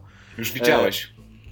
E, jedynki? Już, Nie. widział, już widziałeś i Snake tam y, latał na rakietach. Kopał je w ogóle. To było Twin Snakes na GameCube. A, nie, ja, ja go nie widziałem, ja nie grałem w Twin Snakes. No i E, lepiej i- tego nie rób. Tak, i nie zamierzam tego robić, bo znam opinię na temat tej gry i chciałbym, żeby... y, W ogóle mój wymarzony taki remake to by było, żeby MGS-a 1, jedynkę opowiedzieć e, w, na silniku piątki. Bo silnik MGS-a 5 jest cudowny, jest wspaniały, uwielbiam to i bardzo szkoda, że się zmarnował na MGS-a 5. E, I w ogóle najlepiej, żeby cała w ogóle seria została opowiedziana na silniku piątki, bo naprawdę, naprawdę rewelacyjnie gameplayowo on jest, nie? Ten, ten silnik. E, i, Ale to nie e, jest seria, która słynie z dobrego gameplayu raczej. No Tak, wiem, no właśnie, właśnie dlatego- właśnie dlatego wprowadziła tak- dobry gameplay. Właśnie dlatego tak lubię silnik piątki, bo nagle się okazuje, że ta, gra, że ta gra może być przyjemna. E, jest dużo teraz pokątnych jakichś sposobów na to, żeby zagrać w MGS 1, nie przeczę, ale bardzo bym chciał takiego odświeżonego. Nie wiem, czy. e, Znaczy, chciałbym, żeby to robił Kojima i chciałbym zobaczyć, jakie Kojima miał do tego podejście. Czy by zostawił wszystko, co było w starym MGS-ie, czy jednak by chciał to jakoś Będę dał odświeżyć? typa, który musi nosić bardzo dużo paczek i stawiać No drabiny. właśnie, myślę. czy mógłbym, czy mógłbym się posikać w trakcie? Czy coś takiego? No tak, to by było interesujące. A myślisz, Tomasz, że gdyby Kojima miał okazję zrobić remake jedynki MGS-a, to by próbował tak ułożyć y, tą grę, żeby pasowała już mu do kanonu, do, do tych późniejszych Nie. części? Myślę, że znaczy myślę, że gdyby Kojima miał okazję zrobić MGS-a jedynkę, to by go nie to zrobił. grałbyś jako karton. To by go nie zrobił, bo MG, bo wydaje mi się, że Kojima ma już dosyć MGS-u w swoim życiu i próbuje się od tej serii u- uwolnić od trzech części To prawda. w końcu mu się to udało. A ktoś tutaj grał Dead Stranding w ogóle? Ktoś z was Ja, przechodził? ja przyszedłem. Ja napisałem recenzję na Pisałeś recenzję, Na 20 czytałem. tysięcy znaków, dobra. tak. No. Zmierzyłem na tą grę krytycznie. Moja opinia jest kurwa obowiązująca tu na świecie. No czyli nic dobrego mu nie, nie przyszło z tego, że, że skończyłem GS-a, tak? Chociaż no, mógł robić tego Silent Hilla, który wydawał się całkiem fajny. No nie mógł go robić, bo mu nie pozwolili. Ale ponoć już teraz mamy ploteczki, że, że, że, że coś jest na rzeczy, tak? Że coś się dzieje. Dobra, whatever, e, kontynuujmy. I gadajesz jingla. Dominik, Ojej, słucham. poleć jakiś stosunkowo nowy film science fiction. Stosunkowo nowy film science fiction. Blade Runner. Ha. Ale ten Nie. oryginalny. Tak. Wiesz co, nie, nie, nie wiem czy stosunkowo nowy i to jest film, o którym gadaliśmy wiele razy, ale widziałem go niedawno po raz chyba trzeci. Sing Street. E, Arrival. Arrival, który ukazał się Nie w jest Polsce. nowy, powiedz coś nowego, ty. Ale nie, nie kojarzę nic nowszego, no. Jak nie jest nowy? No jest przed, przed ilu? Trzech lat? No to mogę po, po- polecić Ad Astra, który jest chyba w miarę nowym filmem science fiction. A Astra jest Z- nowszy, no. Z Mattem Damonem, który leci i chyba nie mówiliśmy o nim tak Z dużo. Bradem Pittem. Nie z Mattem Damonem, z Bradem Pittem, który leci e, w kosmos. Ten film się spotkał z dużą, wydaje mi się, takim dużym niezrozumieniem i z dużą krytyką, bo faktycznie o ile on był sprzedawany jako taki hard science fiction o podróży, o podróży w kosmos, o tyle w praktyce on jest bardzo skoncentrowany na postaci głównego bohatera. To jest bardzo mocno film o życiu, o przeżyciach wewnętrznych Brada Pitta i o jego takim wewnętrznym, duchowym... Czy Brad y, Pitt gra tam Brada Pitta? Czy pojawia się tam Angelina Jolie? Nie, nie pojawia się tam Nie. Angelina Jolie. Nie wiem, czy gra tam Brada Pitta. Nie, on gra, on gra właśnie, nie, nie gra takiej postaci, jak na przykład ma w, y, w pewnego razu w Hollywood, gdzie mi się wydaje, że gra Brada Pitta, czyli takiego luzeka, fajnego typa, charyzmatycznego. Tutaj on jest taki bardzo wyciszony, gra taki, jest taki bardzo właśnie niebradowo-pitowy w tym filmie.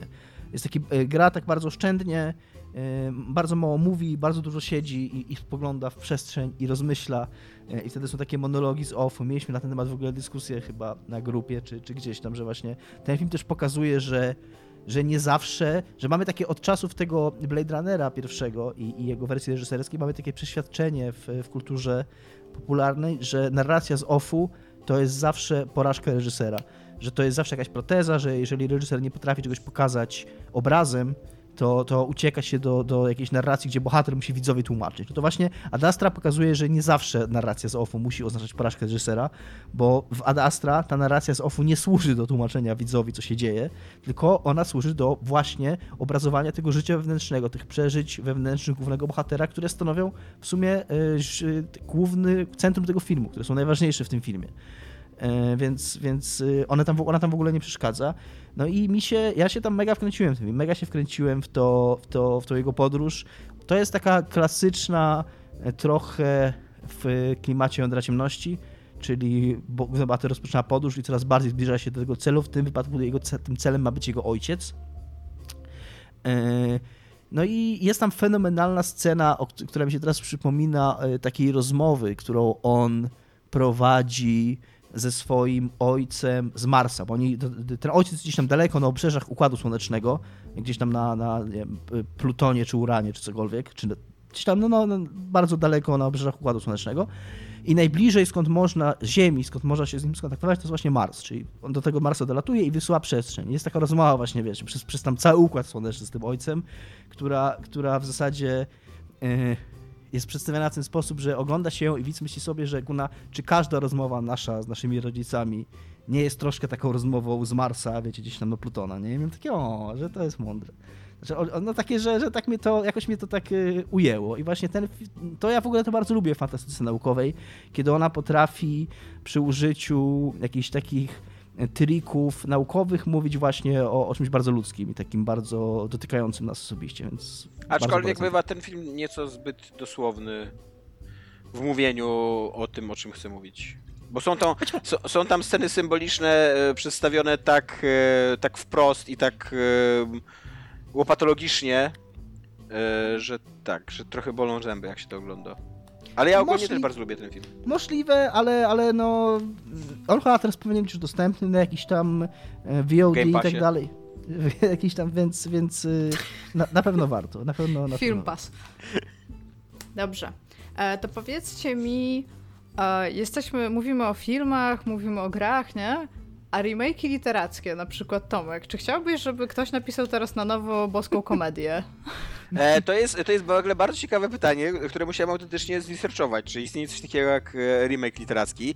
I e, nie istnieje coś takiego, wydaje mi się, wprost. Jakby nikt, e, będąc pisarzem, wydaje mi się, że twoim zadaniem jest pracować, a nie być leniwym. Inaczej niż w filmie ja, czy w ja wideo. Muszę, muszę się Tomek wtrącić tutaj i istnieją remake, literackie.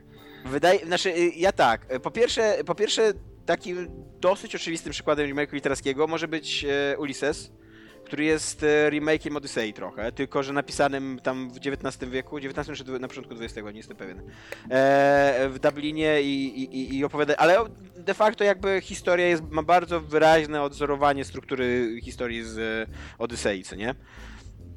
Więc i, i drugi, jaki mi przychodzi do głowy, to jest Jacka Dukaja, ten nieszczęsne jądro ciemności jego, E, które się nazywa po polsku Serce Ciemności Spolszczenie w nawiasie, tak. Gdzie on po prostu, on wziął jądro ciemności Konrada i napisał tą książkę Zmienił jeszcze organ. raz. E, napisał tą książkę jeszcze raz dużo gorzej, dużo głupiej i w ogóle szkoda gadać. E, Adam, a ty jakie miałeś na myśli remake'i? To właśnie niestety jak takie pytania słyszę, to od razu mi się otwierają te dziwne klapki w głowie i e, powiedziałeś o Odyssey, no to masz NAID jeszcze, no tak. dobrym przykładem remake'u literackiego i teraz już będzie e, hardkorowo, więc jakby co to po prostu mnie zagłuszcie, ale e, Kochanowski... Aha, to już koniec. Nie, Kochanowski remake'ował Horacego na przykład. Tak, tak, no to e, Wiesz co, mi, mi jeszcze przychodzi do głowy, że e, biorąc pod uwagę to, jak się patrzy na remake'i w grach wideo, jakby na opowiedzenie jeszcze raz tego samego, tylko trochę bardziej przystępnie, trochę bardziej milej dla odbiorcy, co nie? Jakby współcześnie, to wydaje mi się trochę, że na przykład tłumaczenie poezji e, w XIX wieku, w momencie kiedy Mickiewicz tłumaczył Byrona na przykład, no to on, on wtedy rozumiał rolę tłumacza zupełnie inaczej niż my dzisiaj rozumiemy. Co nie? To nie Ale są, w, ogóle, nie... w ogóle tłumaczenie wydaje mi się jest remake'iem w literaturze, nie? Bo musisz dodać ten swój aspekt, czy tam język y, przerobić i no, kulturę, kontekst, no kurde. Trochę tak, ale zwłaszcza właśnie takie, taki remake, jak, znaczy takie tłumaczenie, jak mówię, jak Mickiewicz Byrona, co nie? Gdzie, gdzie masz dwóch wybitnych twórców i obaj się zbijają na jakby wyżyny swojego talentu literackiego i opowiadają de facto trochę inaczej, co nie, te, te historie. E, no tak, no, ale tak. No ogólnie, a co powiecie na takie rzeczy? Pod, pod, podobało mi się, jak, jak Dominik się od razu wycofał na kamerze, kiedy tylko zaczął się ten temat. Nie, a co powiecie na, taki te, na takie coś, że istnieją e, jakby edycje Hamleta, ale z emotikonkami. W sensie, że e, zamiast napisać jakieś tam słowo, że ktoś był smutny, to było, o, to czyni mnie bardzo, jest taka buźka z kropelkami, że, co, że ja, ja, ja bym nie nazwał tego remake'iem, bo ja bym tego w ogóle książką nie nazwał. No to jest, to jest jakiś żart medialny taki, no, że... Bardzo szczerze wątpię, żeby ktokolwiek to czytał na poważnie, żeby ktokolwiek miał do tego podejście, że to jest dzieło kultury, z którym ja się teraz zapoznam, co nie? Jeszcze dzisiaj zamówię tą książkę i będę czytał bardzo poważnie. Tylko To po to, żeby ważne. Będę się wzruszał wraz z emotikonami. wkurzyć, tak? Tu mieliśmy, właśnie, tu mieliśmy właśnie przykład tego, o czym mówiłem na początku, czyli jak trudno jest dowód na nieistnienie przeprowadzenia. Nie ma takiej osoby, ja jestem tam, koniec. Nie, nie, Tomek, nie, nie zamówię, szkoda mi kasy. No dobra, a jeżeli, e, jeżeli mielibyście jakby zamówić remake literacki jakiejś, jakiejś książki? Jakiegoś dzieła, nie wiem, tomiku poetyckiego? Ale ja, ja, ja w ogóle sobie nie jestem w stanie wyobrazić, jakby taki remake miał wyglądać. Wiesz co, e, język... Na przykład napisany lepszy, znaczy bardziej przystępnym Wiesz co, językiem. wiem, nie, że- ale wiem, właśnie że są- język, język jest tak e, ważnym, e, ważną częścią dzieła literackiego, e, że nie, nie, moim zdaniem nie da się go oderwać. dobrze, tam, od... ale czy nie porównałbyś w tym momencie formalnie języka do na przykład mechanizmów rozgrywki albo Jak się- interfejsów w grach? Jak się uczyłem języka angielskiego y, w szkole średniej, ja akurat nigdy y, nie, nie kupiłem tych książek, ale wiem, że one istniały i wydaje mi się, że ciągle są w sprzedaży klasyki literatury przepisane na prostszy język dla ludzi, którzy się uczą języka angielskiego. Czyli żebyś sobie na przykład przeczytał jaką, jakąś klasykę literatury, nie wiem, no Yy, może niekoniecznie Ulyssesa, nie? No, ale, ale i też niekoniecznie jakieś tam, nie wiem, jakąś Agatę Christie na przykład, no cokolwiek, coś takiego, jakoś takie, jakieś takie czytadło, czy jakiegoś tam Artura Conan Doyle'a, nie? Yy, ale, ale napisanego nie w oryginale, bo jednak Artura Conan Doyle'a ja próbowałem czytać i on jest dosyć ciężki w czytaniu współcześnie, tylko właśnie taki, taki opowieść o Sherlocku Holmesie napisane przez współczesnego aktora z uwzględnieniem jakiegoś takiego słownika zawężonego dla ludzi, którzy się uczą angielskiego, że po prostu mogli sobie coś czytać i, i mieli kontakt z tym językiem. No wydaje mi się to sensowne. Okej. To mam jeszcze jedno pytanie, ponieważ e, trochę nam się podcast wydłużył i teraz uwaga, będzie dżingiel. Adam, jakiego FPS-a przedstawiłbyś rodzicom? Jakiego FPS-a przedstawiłbym rodzicom? przedstawił, że postawił, zaprosił na że kolację, to jest- Zaprosił do domu na To jest- obiad to jest do moja narzeczona, tak? Tak. Tak. A, w tym, w tym sensie. No to tutaj mamy od razu te, bez problemu proste. Odpowiemy jasne, że tak. To jest Metroid Prime. Eee, bo Czy chciałbym Metroid swoim... Prime jest takim FPS-em, FPS-em? No jest FPS-em. No, trochę jest. Szczelasz? Szczelasz? Szczelasz. Jest, Jest. first person? Jest first person. Wszystko się układa do kupy. Eee, ale dlatego, że chciałbym rodzicom wyjaśnić, dlaczego w ogóle w moim życiu jest miłość do Metroida. Jakby kiedyś zobaczyli jakiś tatuaż z Metroida i by mieli mnie męczyć przez, przez 20 lat, to chciałbym, żeby Czekaj, rozumieli jak, jak przedstawiasz e, tam e, jakiegoś partnera, partnerkę rodzicom, to chcesz im wytłumaczyć, dlaczego w twoim, miłość jest, w twoim życiu jest miłość do tej osoby. No, mo, moi Nie, nie, nie. drodzy, moi drodzy, Chcę- przyprowadziłem wam tutaj oto tę, tę, tę postać, ponieważ chciałem wam ideę miłości wytłumaczyć. Nie przejmuj się tutaj do, teraz mój, mój chłopaku, moja dziewczyna, nie przejmuj się, ty jesteś tutaj tylko w celach poglądowych dla rodziców. Nie, no, ale chciałbym przedstawić, tak? I chciałbym, żeby gdzieś tam chociaż częściowo zrozumieli, dlaczego ta osoba jest tą osobą wybraną, dlaczego ta gra jest tą, tą grą wybraną e, i dlaczego w ogóle Metroidy są zajebiste. Jak, Ja- jakby, wygląda, jakby wyglądał ten obiad? No pewnie odbywałby się na jakiejś e, odpuszczonej planecie. To bardzo dobra mo- Czekaj, nie, odbywałby się na Moim ojcem jest doktor Manhattan.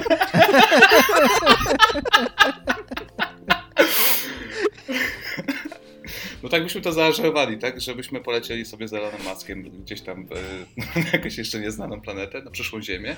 Czyli- E, puścilibyśmy super muzykę z głośników, taką po prostu mega atmosferyczną. E, jedlibyśmy niestworzone potrawy i oni by poznawali wtedy Metroida Prime. by się dowiadywali. I pod Gdzie- koniec gdzie tej pracujesz? kolacji, pod koniec tej kolacji jestem pewny, że przynajmniej, może nie tata, ale mama by zrozumiała, dlaczego Metroid Prime. Dobrze, a Brzmi powiedz jak mi, a co, jakbyście randka. musieli odpowiedzieć na pytanie, jak się poznaliście? No pewnie byśmy opowiadali o tych czasach studenckich we Wrocławiu, kiedy przypadkowo pojawił się Wii U w domu i zagrałem ze shopu w, w Super Metroida. To była miłość od pierwszego zagrania. Okej. To rodzice być może zrozumieliby ideę tej miłości w takim razie. No mam nadzieję, że byliby na tyle otwarci, żeby zaakceptowali to. No dobrze. To... Dobra, y, komcie, tak? Jeszcze? Tak, szanowna sekcja Ma, mamy komentarzy. kom, mamy so, so, komentarzy jednak? Mamy, Czy będzie tak, osobny bo- jingle do tego? Y, Wskoczył komentarz od y, Spuczana, y, który jest dosyć interesujący. E, Pytanie do was. Macie pozbyć się jednego z nałogów slash hobby, bo hobby jest nałogiem, e, waszego kolegi z podcastu. Oczywiście robicie to tylko i wyłącznie dla jego dobra. Zabierzcie Izo uwielbienie do horrorów, granie w japoński visual novels czy coś takiego. Dominika pozbawcie izometrycznych RPGów albo asasinów. Tomkowi odbierzcie książki, komiksy albo turówki. Co byście odebrali? Iga. Karcianki Dominikowi. O, Why? kurwa, totalnie w ogóle. Dla twojego dobra. Nie No, musisz się pytać why, to jest dla twojego dobra, no. ale dlaczego nawet? Co jest złego w karciankach? Wszystko. Czy ty wiesz, że Adolf Hitler grał w karty? Ja słyszałam, że Adolf Hitler wymyślił Magic the Gathering. Nazywał się wtedy jakoś inaczej. Dominik? Tomkowi doktorat. Żeby nie mógł nimi Jako- gasić ludzi. Jako jego nauk, czy jako jego hobby? Jako jego, kurna, jako jego wytrych do gaszenia ludzi w internecie. Raz, raz zgasiłem. Co się stało? Ale jak? Co się stało? Co powiedziałeś? No, był wątek o śmierci autora i ja to wrzuciłem. Hashtag mam o tym doktorat. Nice. No. Iga? No ja bym Iga ci już zabrała powiedziała o karcianki. tobie. A, ty? E, ja powinienem coś powiedzieć. E, nie wiem co. Absolutnie ja was z- kocham tacy, takimi, jak, jak, jakimi jesteście. Przedstawisz nas to rodzicom? Mogę, e, nie wiem, no. Nie wiem, nie mam pojęcia. Mógłbym odebrać Idze miłość do gier indie, żebym miał z nią w końcu o czym rozmawiać. To by było spoko. Czy ja mogę się wtrącić? Tutaj mi się wydaje, że ty chciałbyś tak naprawdę jej zabrać miłość do Nintendo, bo słuchając tego podcastu, widząc jak często ją gasicie w ogóle z Animal Crossing i z takimi rzeczami Nintendo, no to Ja bym chciała powiedzieć, że zabrać. jutro będę na wyspie Josha Sawyera w Animal Crossing, Dominik.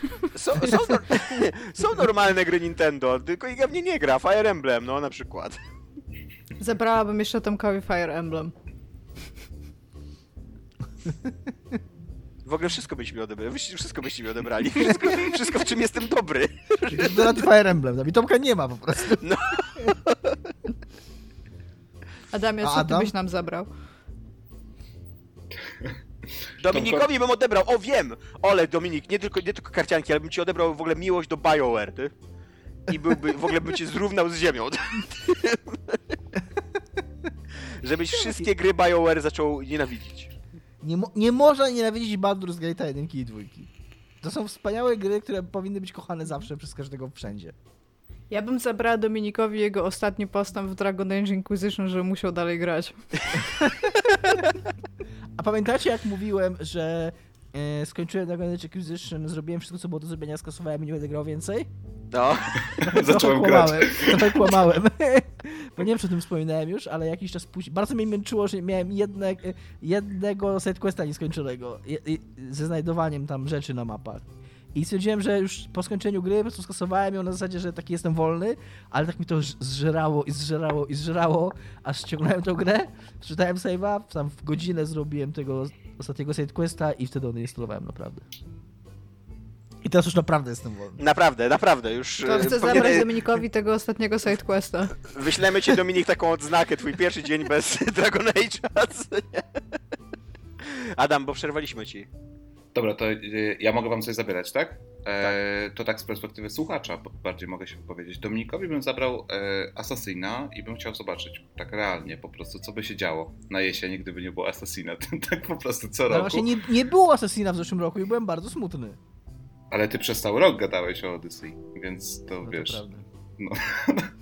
smutnym głosem stwierdził Ale w tym Dominik. roku będzie Assassin. E, O Tomkowi, ile bym zabrał, go korona nie przesunie. Tomkowi, Tomkowi bym zabrał literalnie. Pozbawiłbym cię słowa literalnie. Ciekawe, jakbyś sobie poradził w ogóle. E, I, I co bym zabrał y, katastrofę kolejową. Nie miałbym z tym literalnie żadnego problemu. Myślę, Ale że jakby- jakbyś mi zabrał moje ale uwaga- angielskie wtręty, to bym po prostu przestała mówić. Uwaga, Iga, ale gdybym to zrobił, prawdopodobnie spotkałbym się z bardzo dużym tylnym smagnięciem.